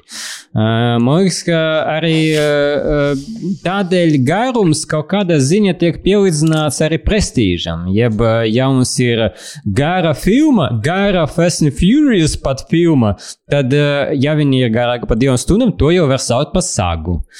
Uh, nevis vienkārši tā kā ah. esmu curious, devīta daļa. Uh, un skaidrs, ka, ja tev Avengers divi ap pusstundas, nu tad jā, tas jau tāds dramatisks epos. Nu, un tepat arī ar zvaigžņu karam, tas, nu, ja jau epos, tad jau vajag virs divām stundām, protams. Un, un uh, vēl viens, uh, protams, izskaidrojums, kas varētu būt attiecināms gan uz šodienu, gan uz to, kāpēc filmas bija ekstra gairas 50. un 60. ir televīzija. Uh, tāpēc, ka, kad televīzija parādījās 50. un 60. gados, un tad kinoteātru īpašnieki kliedza, ka bāc, tūlīt nogalinās mūsu kinoteātrus, tad parādījās vairākas kino inovācijas, tādas, ka bija 3D filmas, filmas palaistas, tad bija cinemascope, jau ļoti plašs skandrs attīstīts, un tad arī bija palaistas gan mūziku, gan episkas filmas, tādas kā Ben Hurs, kur bija 3,5 stundas garas, Lawrence of Arabia, kas bija 3,5 stundu, jeb arī prestīžas, lielas, epohālas filmas, kuras jūs nekad nevarētu skatīties uz jūsu televizoriem, kuram jūs vajadzētu aiziet uz kinoteātri un noskatīties. Un tagad arī, ja mēs skatāmies uz to, ka pēdējos, teiksim, 10, 15 gados televīzija ir ļoti, ļoti attīstījusies un kļuvusi par vietu, kur mēs meklējam tos dramatiskākos stāstus un periodi, kad mid-budget filmas pazuda no kinoteātriem vai pazūd no kinoteātriem, ko nu, katrs no režisoriem jau, jau savas intervijas stāsta, tad šīs formas pārgāja uz televīziju, pārgāja uz straumētājiem, un, un tur tieši mēs meklējam tādas jau personīgas attiecību drāmas. Un, Es domāju, ka arī tādā ziņā filmas gribētu uzbūstot, uh, parādīt arī, ka pie mums, pat ja tas ir blockbusters, mums arī ir familija, mums arī ir drāma, pat ja tā ir, filma par uh, Vinu Dīzu un viņa uh, no kurienes izvidošo brāli. So, ļoti daudz faktoru, bet uh, es domāju, ka padrusni, pa padrusni tā, tā arī kaut kā kopumā savācās uz, uz to divas, divas stundas 40 garu Jamesu Bondu. Ak, oh, Jēzus, tas bija gari. Nu, bet pēdējā daļa sure. ar Kreigu taču vajag savilkt kopā visus yes, personāžus no visām vai daļām. Vai vajadzēs tiešām? Kvantitāte nav kvalitāte. Obligāti. Es, es, jā, es, es visu, visu šo klausos, izņemot to, ka tu teici, ka nezinu, no kurienes brālis. Kā viņi tā kā fucking filmā paskaidroja, no kurienes ir brālis. Vienmēr bija. anyway. Viņš visās iepriekšējās ir pateicis kadrā. Yes. Jā, viņš ar viņu sazvanījās māsu visu laiku aizkadrā. Man, man žēl, ka neparādīja flashbacku, kur tā kā Anina vai arī parādīja. Es atceros, paga, kad, kad uh, Asteitumu bija sept septītajā vai sestajā daļā beigas, kad parādīja, ka nē, viņš bija Tokio driftā. Nu, gan jau, kad desmitajā gadā parādīs. Viss iespējas. Bet uh, teorētiski par to televīziju arī, teiksim, tu man liekas aizdomāties, ka tagad jau filmas veido priekš kino un priekš televīzijas, un autori vieni tie paši, viņiem jau vajadzētu būt vēl vairāk ieinteresētiem parādīt maksimāli daudz seansus kinoteātriem, un tad parādīt vēl pa televizoru visiem mērķiem. Nu, respektīvi, ja tu veido filmu kā produktu, ko Hollywooda absolūti noteikti arī dara. Mm -hmm tad, uh, tad pēc loģikas vajadzētu būt, ka filmas tikai kļūst īsākas, īsākas. Nē, nu īsākas. kā, bet uh, kad, nu, kinoteātrī tev vajag sapakot pēc iespējas vairāk sēnes dienā, lai pēc iespējas vairāk cilvēku var atnākt. Teiksim, nu, tā kā tev ir spaidīja filma, un tad, uh, attiecīgi, var pirmajās uh mhm. -huh. dienās tur atnākt visi. Bet uh, tad, kad tev tā pati filma ir straumēšanas servisā, tur jau atkal tā interese ir tavu, tā kā, tavu skatienu piesaistīt pēc iespējas ilgāk tikai tam straumēšanas servisam, lai tu neaizēji uz kaut kādu citu. Un, ja ir garāka filma, tad, attiecīgi, tu skatīsies viņu ilgāk, tu pavadīsi vairāk minūtes tur tajā pašā Netflixā sēžot, nevis, es nezinu, aizies kaut kur citur. Tas ir apmēram tas, laikam, kā bija dialogs starp Mārtiņu Skursēzi un Netflixu, kur viņš prasīja, cik man ir jāiekļaujas. Viņa teica, nav jāiekļaujas. Jā, viņam tā kā ir. Viņš teica, ok. Nekāda iebilduma nav, kad, kad, kad cilvēks skatās četras vai cik viņam bija, beigās tā filma gar stundu stāsta. Jo tad viņi neies citur kaut kur skatīties, jo, nu, tās acis tev ir tikai divas. Bet, jā, bet, ja mēs pievēršamies ekspertiem no, no interneta, ka tā kā nopietni, tad uh, īstenībā ir izpētīts, un uh, šis jautājums ļoti daudz cilvēku nomoka. Bet uh, viena no atbildēm ir arī tāda, ka tas ir vienkārši uh, paudžu, nevis konflikts, bet paudžu. Nezinu, kas aiz, aizmārstība, jo tieši tā ir izpētītas uh, average feature film lengths no uh, 31. līdz 2013. gadam, un viņš rāda, ka kopējais vidējais filmu garums ir audzis minimāli. Tieši tā, kā tu jau biji minējis, ir ir uh, no Kleopatras, no vējiem līdz Kleopatrai, līdz Arābijas Orensam, līdz Benam Hūram, mm. līdz pat 90. gados uh, dējas ar vilkiem ir teju 4 stundas. Manuprāt, režisora versijā, kinoteātra versijā vismaz pāri trijām noteikti ir līdz 2000. sākumam, kur ir Grezana pavēlnieki, Titaniks un uh, gan jau vēl citas var nosaukt. Respektīvi, filmas joprojām vienmēr ir bijušas garākas. Cita lieta, ko mēs tagad, uh, ko es teiksim, atcerējos, uh, un es nevarēšu tagad atrast tam apstiprinājumu, bet man ir tāda sajūta, ka uh, mūsu, nu, jā, jāsaka, mūsu iemīļotie kaut kādi režisori no 70. un 80. gadiem, nu, piemēram, tas pats Scorsese, De Palma un tā tālāk, viņi gan, manuprāt, nodarbojās ar to, ka viņi griez ārā no savām filmām visu, ko nu, tas bija kaut kā tā, kā, ja, ja nepieņemts, tad tas bija noteikti. Kā pasaka, saka, pačotīgi, ka tev tā filma ir ļoti lean and mean, mm -hmm. un viņas ir, nu, ka jebkura lieka aina, it goes, un tad uh, visu, ko var izgriezt, izgriežam ārā, un uh, viss strādā. Un, manuprāt, tas ir kaut kāda tāda, nezinu, domāšanas veids, kas uh, mūsdienu, mūsdienās kaut kādiem dižiem režisoriem, tam pašam Kristoferam Nolanam noteikti nepiemīt šis, šī īpatnība, un tenets varēja būt varbūt īsāks, un viņš vienkārši negrib, viņš grib, viņš ir garš, un, un, un viņš nepieiet kā kaut kāds, piemēram, nu, nezinu, Frankenheimers, kurš tā kā noteikti taisa kaut kādu savu French connection uz stundu 40 stundu 45, ja tagad nemaldos. Mm -hmm. Griežot visu kaut ko ārā un sakot, ka viss, kas ir izgriezts ārā, ir uh, mēsls un atstājuma montāžā, un tas nav vajadzīgs, un uh, filma ir vīna un vīna. Tas kaut kā, man liekas, ir, ir bijis pamanījies. Ridley Scottam iznāca divas filmas, un viņš jau anoncēja, ka kaut arī tās filmas jau divas pus stundas garas. Ka būs vēl re režisora versijas extended cut. Kaut arī, nu, laikam, šī, šī jau ir režisora versija, bet, nu, extended cut vienalga. Ridley Scottam, piemēram, iznāk visu laiku jaunas filmas, un nav svarīgi, par ko viņas ir. Viņas visas ir divas ar pus stundas mm. garas. vai Last Duel, vai House of Gucci, vai The Counselor, viņas visas ir apmēram divas ar pus stundas garas. Un pēc tam vēl ir extended versija ar bonus sainām, ko var mājās noskatīties ar alu, kā viņš pats to pateica podkāstā. Un tā, jā, bet ko labs piemērs, jā, ne tikai Kristofers Navans, bet arī Ridlijs Skots, jau minētais Džats Apatovs. Nu, daudz tā kā. Nu, es nezinu, vai vajag Tarantino mest iekšā. Man šķiet, ka tas nav īsti par viņu. Mm -hmm. Bet arī viņam ir ļoti garas filmas, izņemot viņa pašu pirmo filmu. Un es gribēju teikt, un uh, Grindhouse filmu, bet arī tur viņa ir diezgan gara. Nu, un Kirby arī sadalīts divās daļās vispār. un arī viņas nav īsas. Jā. nu, lūk. Nu, nu, tā mēs esam nonākuši pie vairākām atbildēm, bet nu, tā ir izvēlēties, kuru tīklu labāk. Mm, nekur mēs netiksim tālu projām, no, no, un es domāju, ka tas, es neredzu, ka tas trends iet kaut kā beigas uz leju. Domāju, ka nē. Un straumēšanas servis to padarījuši tikai pieejamāk, kur tiešām tā filmē, cik garu gribi, servis izturēs. Mm -hmm. Labi, paldies par uh, jautājumu, Elīna. Ja jums ir kāds jautājums, uh, uz kuru jūs vēlētos, lai mēs, uh, kāds ir pateicis, industrijas eksperti? Okay. Industrijas eksperti. Interneta eksperti. Interneta eksperti. Pateikt, tas jau drīzāk. Jā, jā. Lai būtu drošāk, lai būtu drošāk, jā.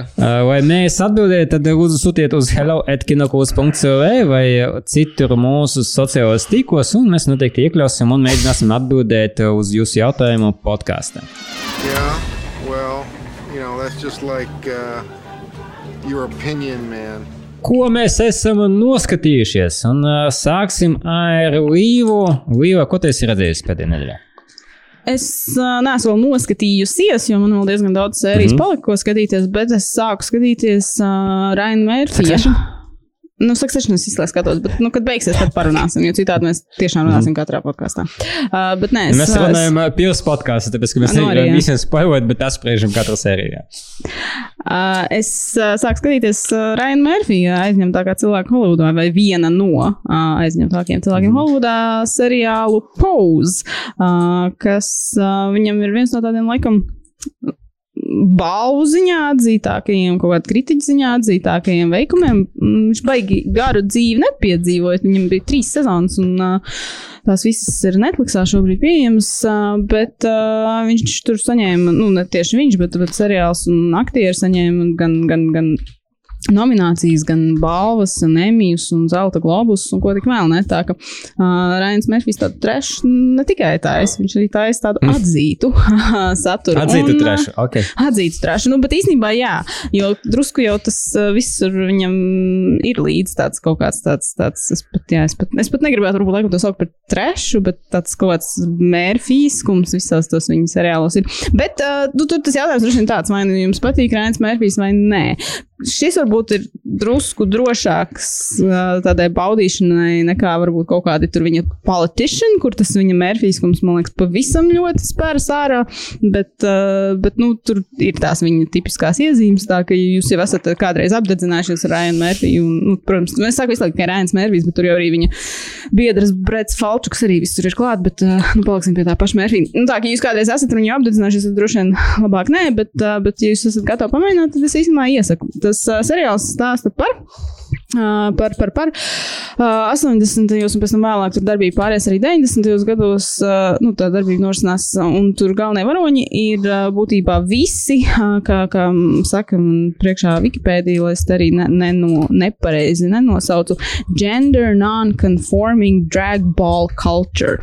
Respektīvi, okay. tur ļoti daudz afroamerikāņu, lat, latino, LGBTQ pārstāvi rosās apkārt apkārt. Viņi piedalās tajās uh, savās ballēs, kur viņi tad iznāk un tur uh, modelē, un tad viņiem tur dod trofejas un punktus. Un, nu, tur ir vesela kultūra, tur tajā visā diezgan jāatzinās, un tas seriāls to arī parāda, un viņš arī tad attiecīgi rāda nu, to viņu to ikdienas dzīvi, jo tur, protams, ir ļoti daudz sāpju un ģimeņu atraidījumu, jo nu, tie cilvēki nav tādi, kurus sevišķi, kur nu vēl 80. un 90. visi tā kā būtu ar atplastām rokām pieņēmuši. Tāpēc viņiem ir tās savas komunas, tās savas sabiedrības, kur viņi var justies droši, var būt paši, kādi viņi ir, un tad, un tad ar visu pārējo kaut kā jāmēģina tikt galā ārpus, ārpus, ārpus šīm tām, nu, tām tām savām vietām. Un, Un, nu jā, tur ir vairāk tādu galvenie varoņi, kam, kam, kam seriāls seko līdzi. Droši vien, ka galvenā, galvenā ir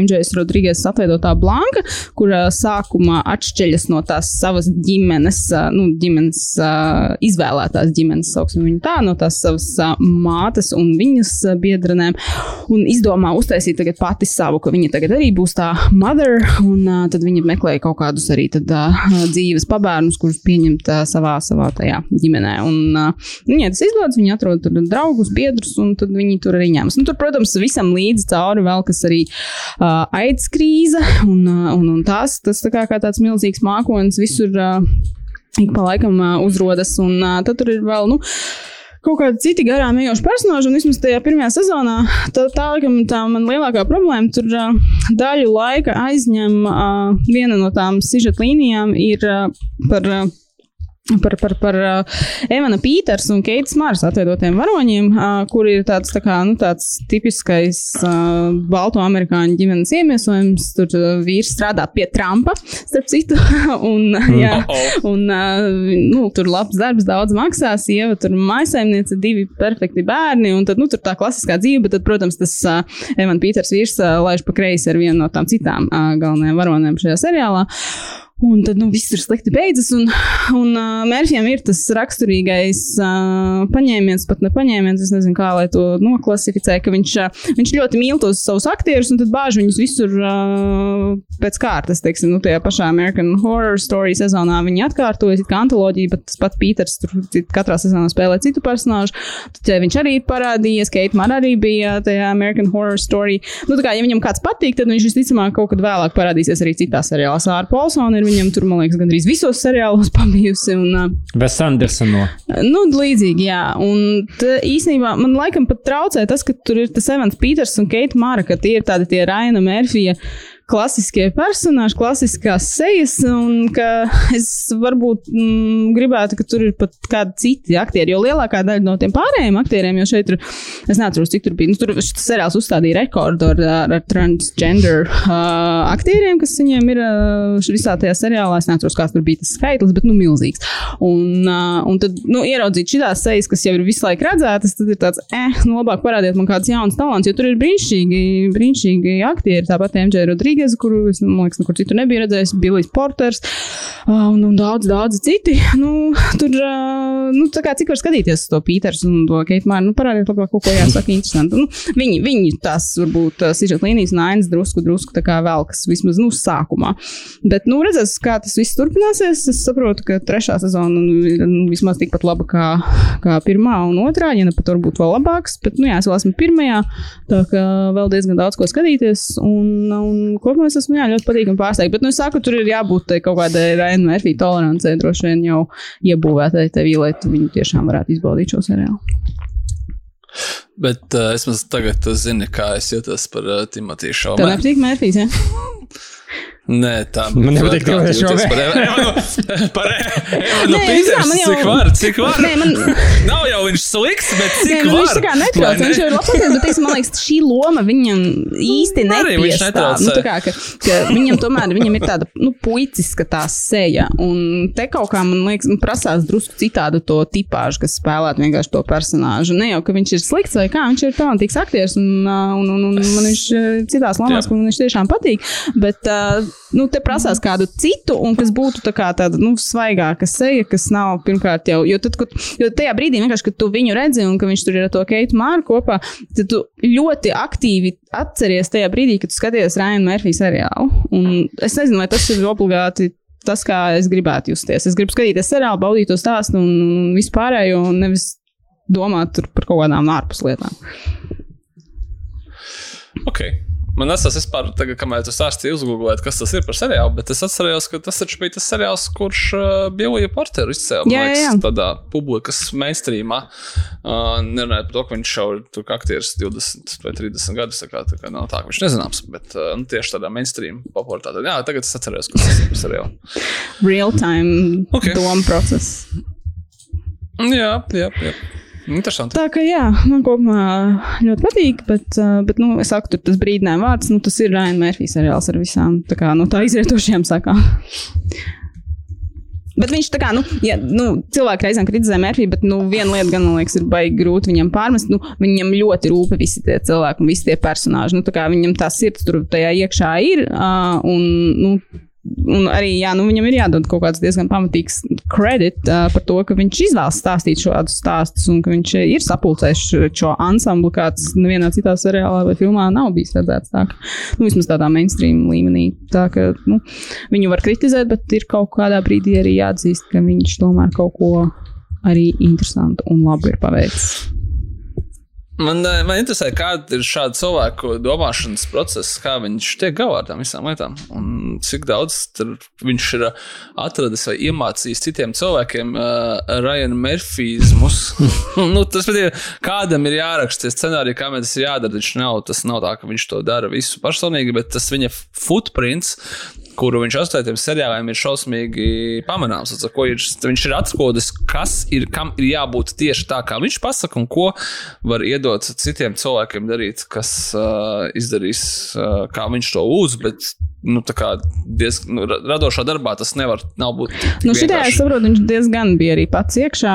Es lasīju kaut kad ļoti garu. Mēs runājam par drausmīgi garām filmām. Es izlasīju drausmīgi garu interviju ar Mērfiju. Viņu lasīju trīs dienas, man liekas, viņa arī beigās lasīt. Mm. Uh, kur viņš tieši to laiku filmēja to seriālu, un tad viņš tur garu un plaši apstāstīja, kā viņš tur, tur visu kaut ko ir izpētījis un cik ļoti viņam tas viss tur rūp. Tā, ka, man liekas, šitā viņš diezgan bija iesaistīts. Es nezinu par citiem, varbūt tur reizēm tā iesaistīts ir mazāk. Bet nu, viņš izklausās tāds nu, aizņemts cilvēks. Ok, paldies. Tas ir ļoti interesants uh, ieteikums, manuprāt. Es nezinu, vai par šo ir daudz kaut ko runāts Latvijā, mainstreamā vai kaut kādos kanālos. Tā kā, tā kā man šeit ļoti interesants ieteikums arī uh, visiem mūsu klausītājiem. Es kaut ko tagad atceros, ko, man- ko es gribēju pateikt saistībā ar šo. Bet... À, cik ir iesaistīts, tikpat, es nezinu, tik daudz, cik Šjamalans ir iesaistīts seriālā The Servant. Lai gan tur ir jūtama viņa, bet es viņu pagaidām tur sajūtu kā aktieri vairāk. Viņš bija vienā ainā. Nu, Tas jau, man liekas, viņam tā, tāpatās kā Hitchcockam, ka viņam vajag katrā savā darbā kaut kur.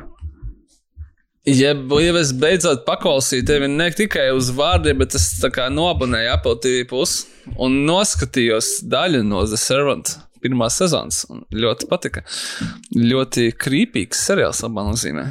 Tā kā, tā kā, man liekas, ļoti interesanti tas, ko tu nebiji teikusi. Varbūt, varbūt tu biji teikusi, tad es uh, jau iepriekš atvainojos, ka viņš ir uzņemts. Uh, operatora darbs ir ļoti īpatnējs. Tur ļoti daudz reizes, ka viņi teiksim, runā ar kameru, mm. it kā šķietami, bet tas nav tā kā ceturtās sienas valšana, vai tas nav tā kā pirmās personas skats, bet, bet uh, nu tā, ka viņš ir diezgan kla- klaustrofobisks pagaidām pirmajā Viņi tur sezonā. ļoti daudz laika pavadīja tajā mājā. Jā. Jā, Jā. viņa tāda Jā, jā. interesanta tā māja pati par sevi. Un viņš ir ļoti, ļoti. Es, nekad, es nesaku, ka tas bija reizē kaut ko tik ļoti krīpīgi, tieši tāds, tas neomulīgi tāds. Bet es neesmu redzējis visu, un, un uh, es negribētu pārvērst to par, uh, par podkāstu, kurā mēs apskatām kaut ko, kas ir sen jau iz- izrunāts šajā pašā podkāstā. Tas kā morning show, piemēram, es uzties pirmo sezonu, man patika. Forši.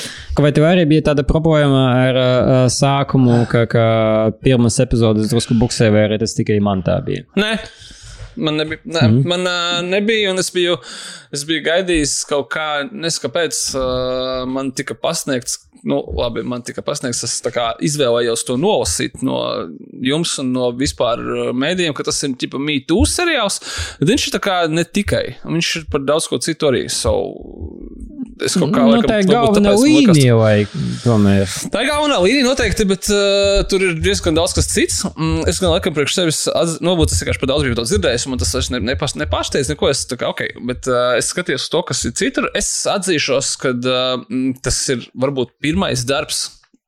Tas būtu ne- negodīgi. Es neesmu redzējis daudzus šīs aktrises apbal- apbalvotus, redzējis aktieru darbus, kur Jennifer Anistona nav Reičeva.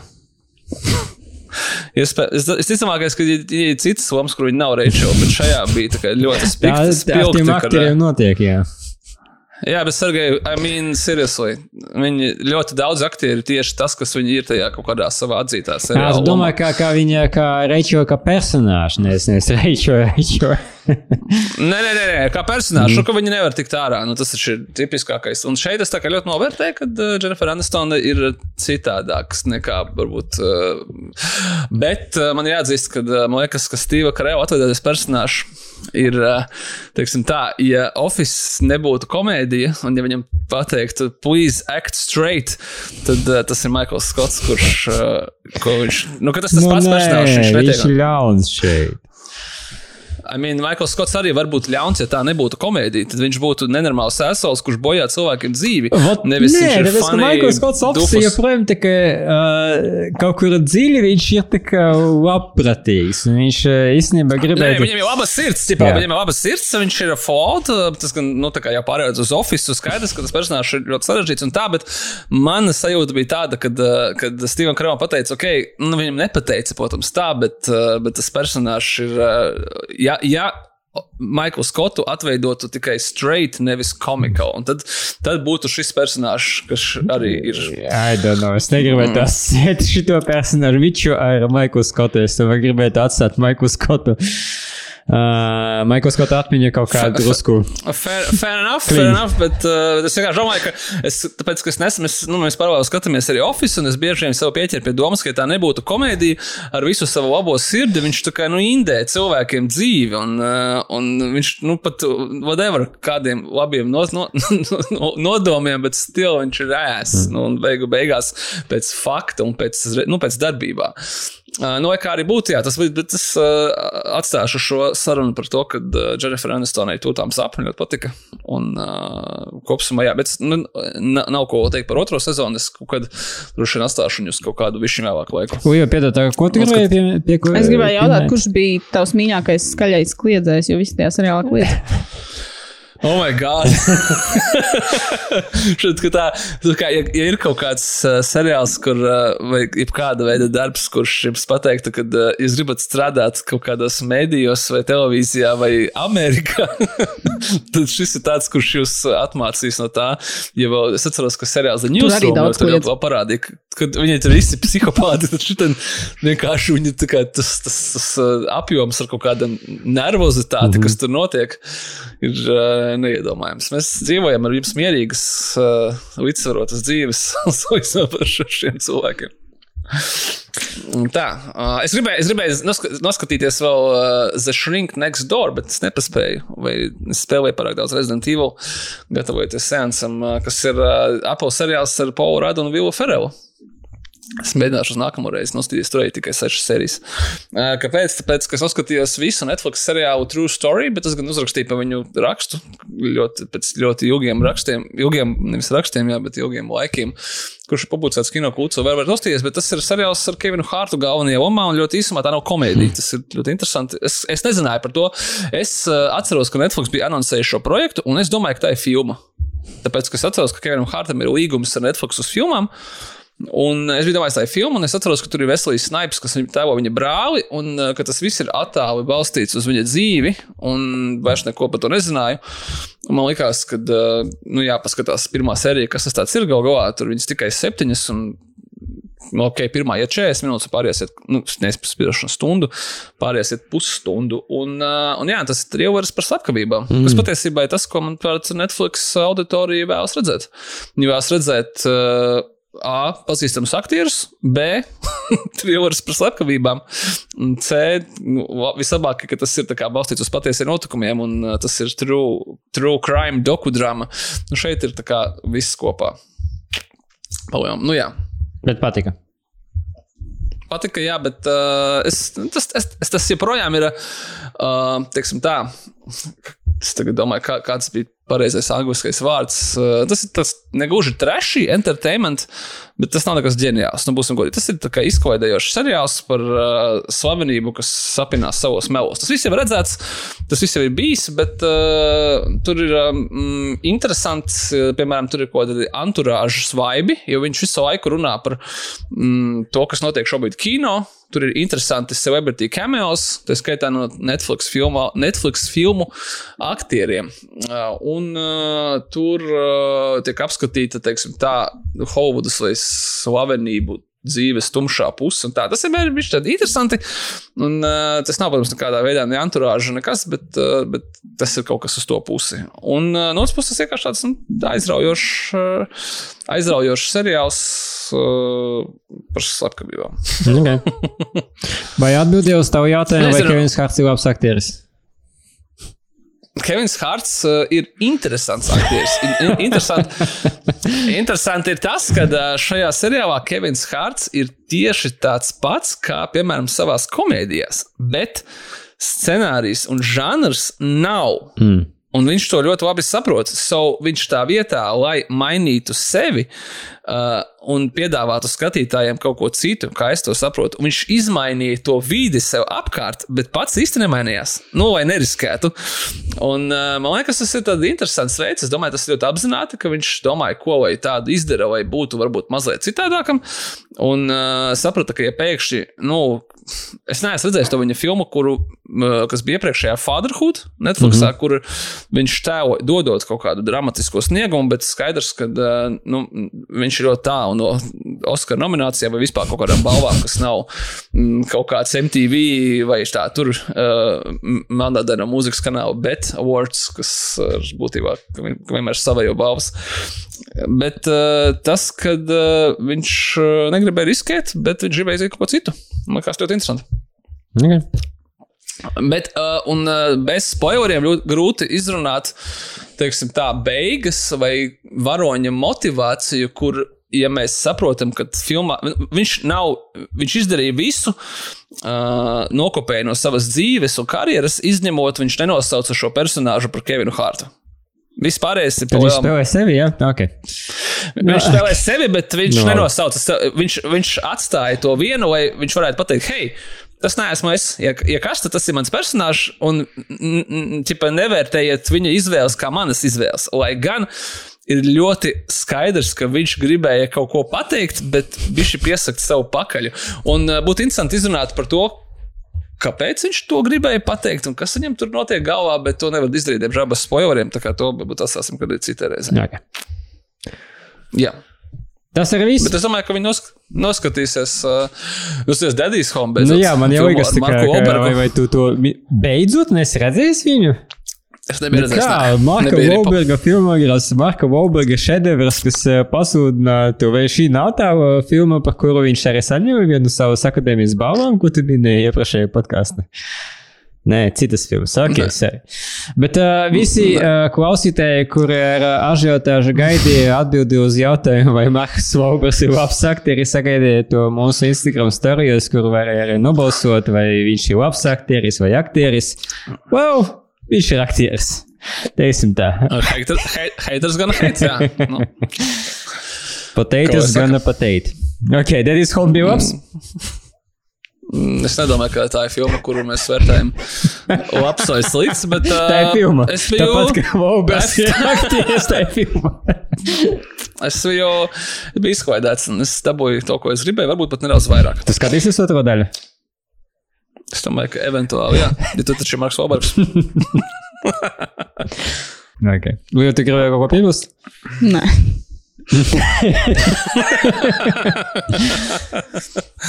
Labi, es uh, minēju, ka es uh, pieķeršos vienā brīdī stāstot par uh, 90. gadu filmām, kuras uh, es tagad skatos biezā slanī, uh, un es šoreiz izstāstīšu par divām vienu labu, vienu neīpaši labu. Sākšu ar neīpaši labu. Es noskatījos 94. gada Bena Stīlera debiju Reality Bites pēc Helenas Čidere.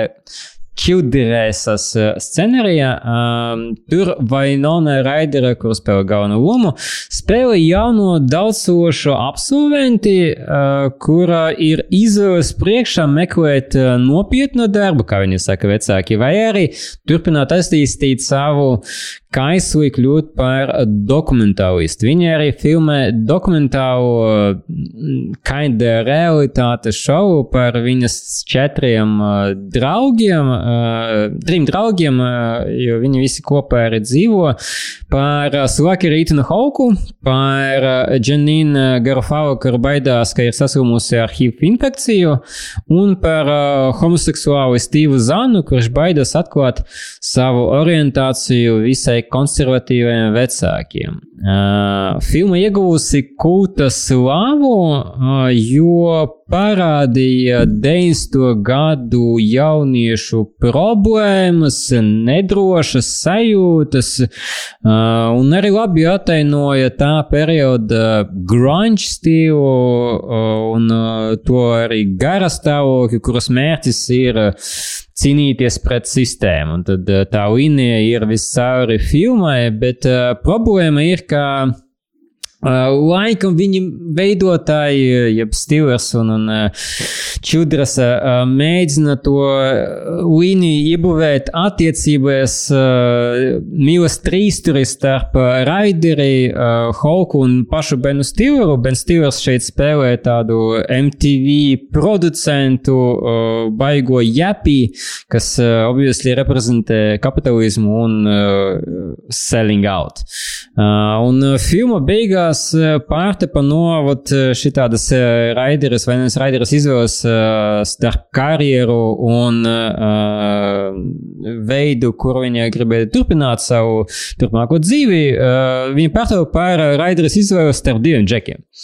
Un, jāsaka, godīgi, man uh, liekas, ka viņi izdarīja tādu apšaubamu izvēli, jo viņi izvēlējās, uh, protams, nevis Japiju Stiveru, bet Holku, uh, un Stivers pēc sižeta gribēja viņai palīdzēt ar uh, to pašu realitātes šovu, pārdodot to MTV, kas uh, mums Sergei, kas mēģina pārdot savu šovu studijām, liekas, nu tāds baigi labs gājiens, tāpēc, ka tādu biļeti uz, uz studiju tu nereti, ne, ne bieži vien vari dabūt. Bet, nu, uz MTV tas izskatījās pēc MTV raidījuma, ja, protams, raideras autentisko vīziju iznīcināja, tā teikt, un, un tas galīgi neatbilda viņas, viņas vēlmēm un vērtībām. Un tāpēc viņi izšķirās, un Raidera izvēlējās Itanu Hauku, kurš burtiski divas trešdaļas no filmas izturējās pret viņu kā assholes. So, I'm not sure, ka, ka tā izvēle beig beigās bija pareiza. Bet, uh, nu, galvenā problēma tomēr, man liekas, ka filmā, kurai setups bija pirmajā aktā par vienu, ja par savu turpmāko dzīvi, par to virzienu, kuru tu gribi iet, pēdējos beigu beigās bija par kaut ko citu, ja par tiem džekiem. So, know, nebiju pārāk iespaidots no šīs filmas. Bet kā tieši tāds um, time capsule par 90. par jauniešiem 90. tas gan varētu kalpot. Filma ir 94. gada. Uh, Bet, uh, kas es teicu, jā, tas tieši ir es redzēju, tas viņu bija dzirdējis. Un kaut kā man nesanāca noskatīties viņu, mm, kad es biju jaunāks, un tas viss kaut kur ir aizpildējis prom. Man vienmēr bija šī biedē par šādām, kā saka, filmā ir kā time capsule, bet es šaubos, vai viņi bija tā, viņi domājuši, ka viņi taisīja viņu, taisīja viņu kā aktuālu, modernu filmu. Vai nav tā, ka tu skatoties šādas filmas, tas nav tikai par šo, tas ir par daudzām citām mūsdienās, kur ir kaut kādi elementi, kas ir sākot ar fiziskiem, piemēram, droši vien, ka tur nav mobilo telefonu. Un, Man liekas, ka Benam Stīram ir mūzikas uh, mobilais telefons. Nu, tāpēc, ka tas reprezentē biznesu, vai ne? Un beidzot, un beidzot ar uzvedību un ar vērtībām, ko tu skaties, un tu viņus vairs nesaproti, tos personāžus, un tev pa lielu, nu, vai nerūpību arī tu saproti viņus nepareizi, tas, tas galvīgi nav tā, kā ir domāts, un tai filmai tas time capsule, viņa Nē, bet, nu, redzi, tu, ja tu saki, ja tu pieeji pie tā, no tāda punkta, ka tev īpaši neinteresē, tad jā, nu, tad obviously tev arī tāda mm -hmm. kapsula neinteresēs. Un es neteiktu, ka arī jebkura 90. gada filma to labi uh, iekļauj. Dažas filmas ir autentiskāki par, teiksim, jauniešiem 90. dažas nav.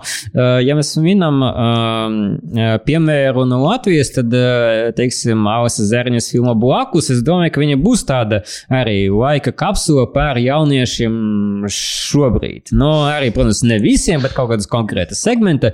Un, nu, ja mums būtu vairāk jā. filmu, mums būtu arī vairāk šķautņu tajā sabiedrībā. Bet pagaidām, pat cik mums ir par jauniešiem tikai like, viena, divas filmas, nu, tad tas ir tas, ko mēs dabūjam.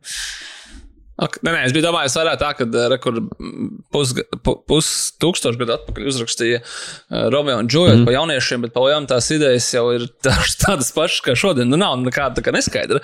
Uh, bet vai, vai šādām filmām nav tā, ka viņām ir pārāk maz kaut kādas substances un pārāk daudz kaut kādas tieši tas laikmetīgums, lai tu vairs nevarētu viņu vispār noskatīties un tas nestrādā? Nu, nu, ja es saku, man liekas, ka man nestrādā vairāk tieši kaut kāda scenārija uzbūvē un, un, un tādēļ man ir problēmas ar to pašu filmu, jo, jo uh, stils un, un tieši tas ieskats 90. patīk.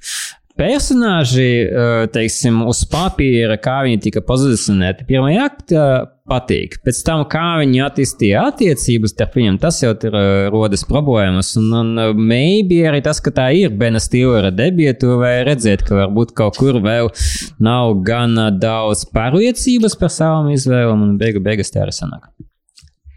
Ziniet, par laimi, bet Stilers uztaisīja vienu patiesi taimos filmu, kas uh, varbūt ir vēl aktuālāka mūsdienās, un tā ir filma Zolanders. Protams. Tāpēc Andrēs man šeit ir. Vajadzētu noskatīties. Man šeit Mēs tas skatījāmies, tā citu, un tā kā ļoti slikti nav. Ah, es, es, praktiski, es praktiski vispār nesmējos. Es nesmējos arī toreiz, bet es smējos vēl mazāk tagad. Bet Zolanders, pateicoties uh, tagad influenceru kultūrai, manuprāt, ir kļuvis no, vēl jo aktuālāks, tā kā vēl reiz desmit, tā kā Children of Men apmēram pareizai nākotni. Nepareizajā virzienā, gan tiemžēl. Nu, tad uh, otra filma, kur uh, bija pārsteidzoši laba, un, un tiešām bija tāds uh, pārsteigums, tāpēc, ka baigi daudz par viņu arī es neesmu dzirdējis, un es pēc tam mēģināju saprast, no kura virziena, kas bija tas uh, nominālais triggeris, kā tas sākas arī. Joe vs. The Volcano. Uh, 90. gada filmā. Arī neesmu redzējis.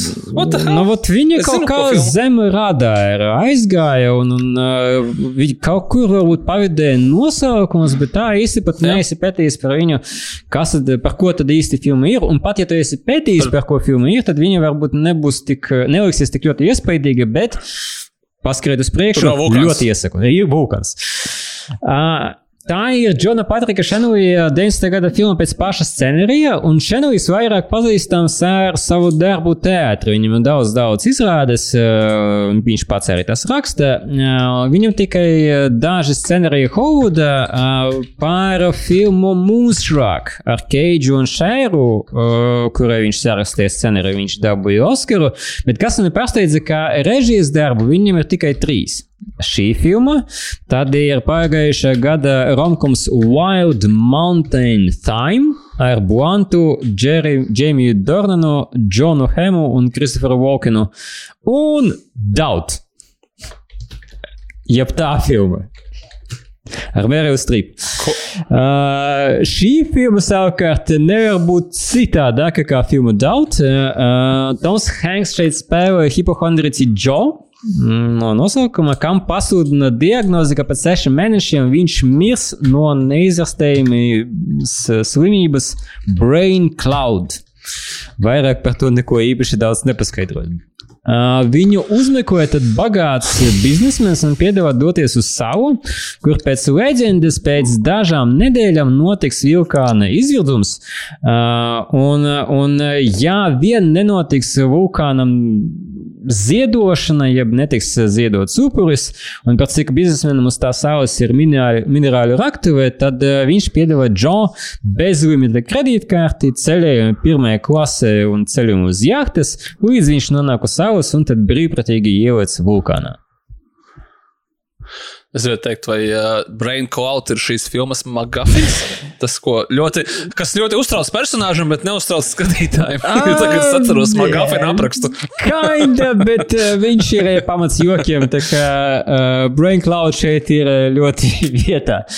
Pa ceļam Džoja iepazīstas ar daudziem, nu tā, pat cik šī kļūst par tādu road trip filmu, un tad road trip filmas obligātais atribūts ir, ka tu iepazīsties ar daudziem ļoti īpatnējiem personāžiem, iemīlos Mega Raina un vispār iekuļojies uh, dažādos piedzīvojumus, ir gana daudz arī plotvistu šeit. Jeb iegūst īsto mīlestību pret tad Megrainu un pret dzīvi kopumā.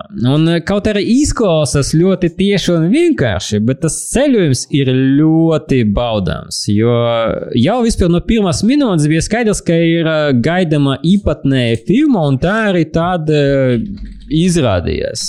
Filma ir pati savā kategorijā. Tur sākums ir uh, tāds, ka atgādina drusku birokrātisko distopiju no Terija Gilējuma filmas Brazil ar ļoti iespaidīgām dekorācijām. Nu, tiešām tu ieslēdz un tā kā, wow, kā es nebiju dzirdējis par šāda tipa filmu, tāpēc, ka dekorācijas, nu, uzreiz redzams, ka ir tāds pielikts uh,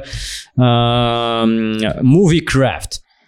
Uh, un tad vienā brīdī, teiksim, uh, tas pārtu pa tādu fantasy ceļojumu, kā no Princess Bride. Uh, jeb kombinācija no tām divām filmām ir tas, ko tu īpaši negaidi, bet, nu, Filma to piedāvā, un tāpēc eh, arī saku, ka viņi kaut kādu unikālu vietu ieņem uh, kinematografiskā vēsturē. Pa ceļam dodot iespēju izbaudīt gan Hanksa uh, uh, fizisko komēdiju, kur viņš man uh, dažās sēnes atgādināja fizisko komēdiju no Mr. Bina, gan Megas Rainas, kura šeit spēlē trīs lomas, uh, visai adorable akcentus un, un uh, sejas uh, ekspresijas.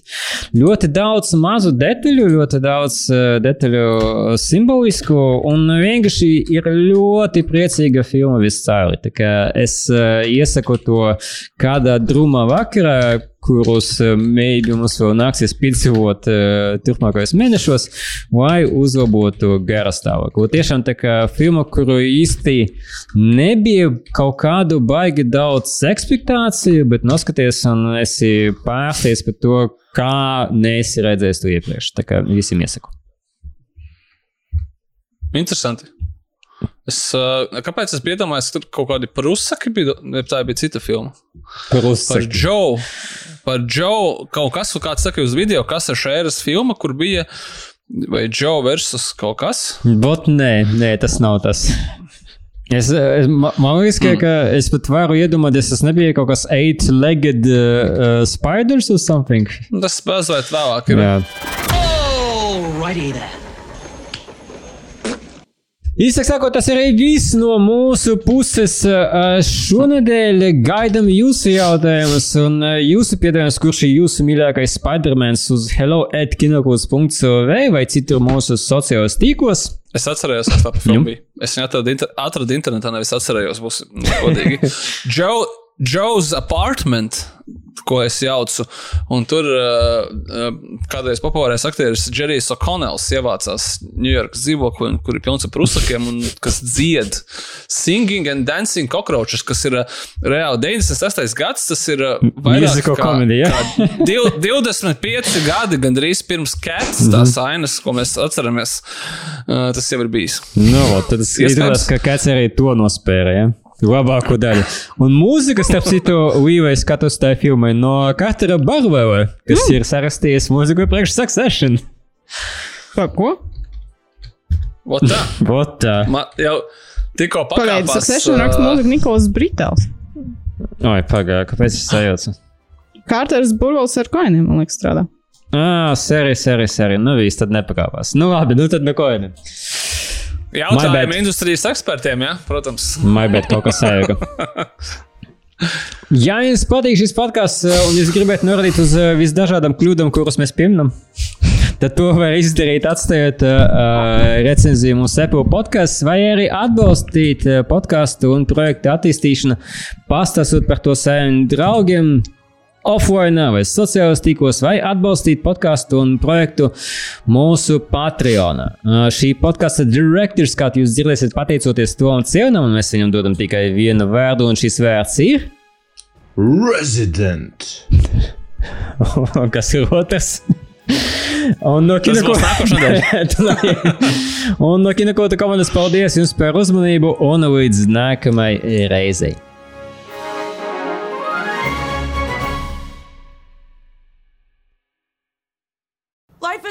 Perfect, okay, baby? We don't get everything we want. You're young, you know? Go make the life that you want. You see how fucking easy it is. And stop bitching and complaining and blaming me. And you get your own fucking pizza. This is my pizza. Taking my pizza. I earned this shit. Fuck you, Mom. Oh, Mom. fuck you, kid.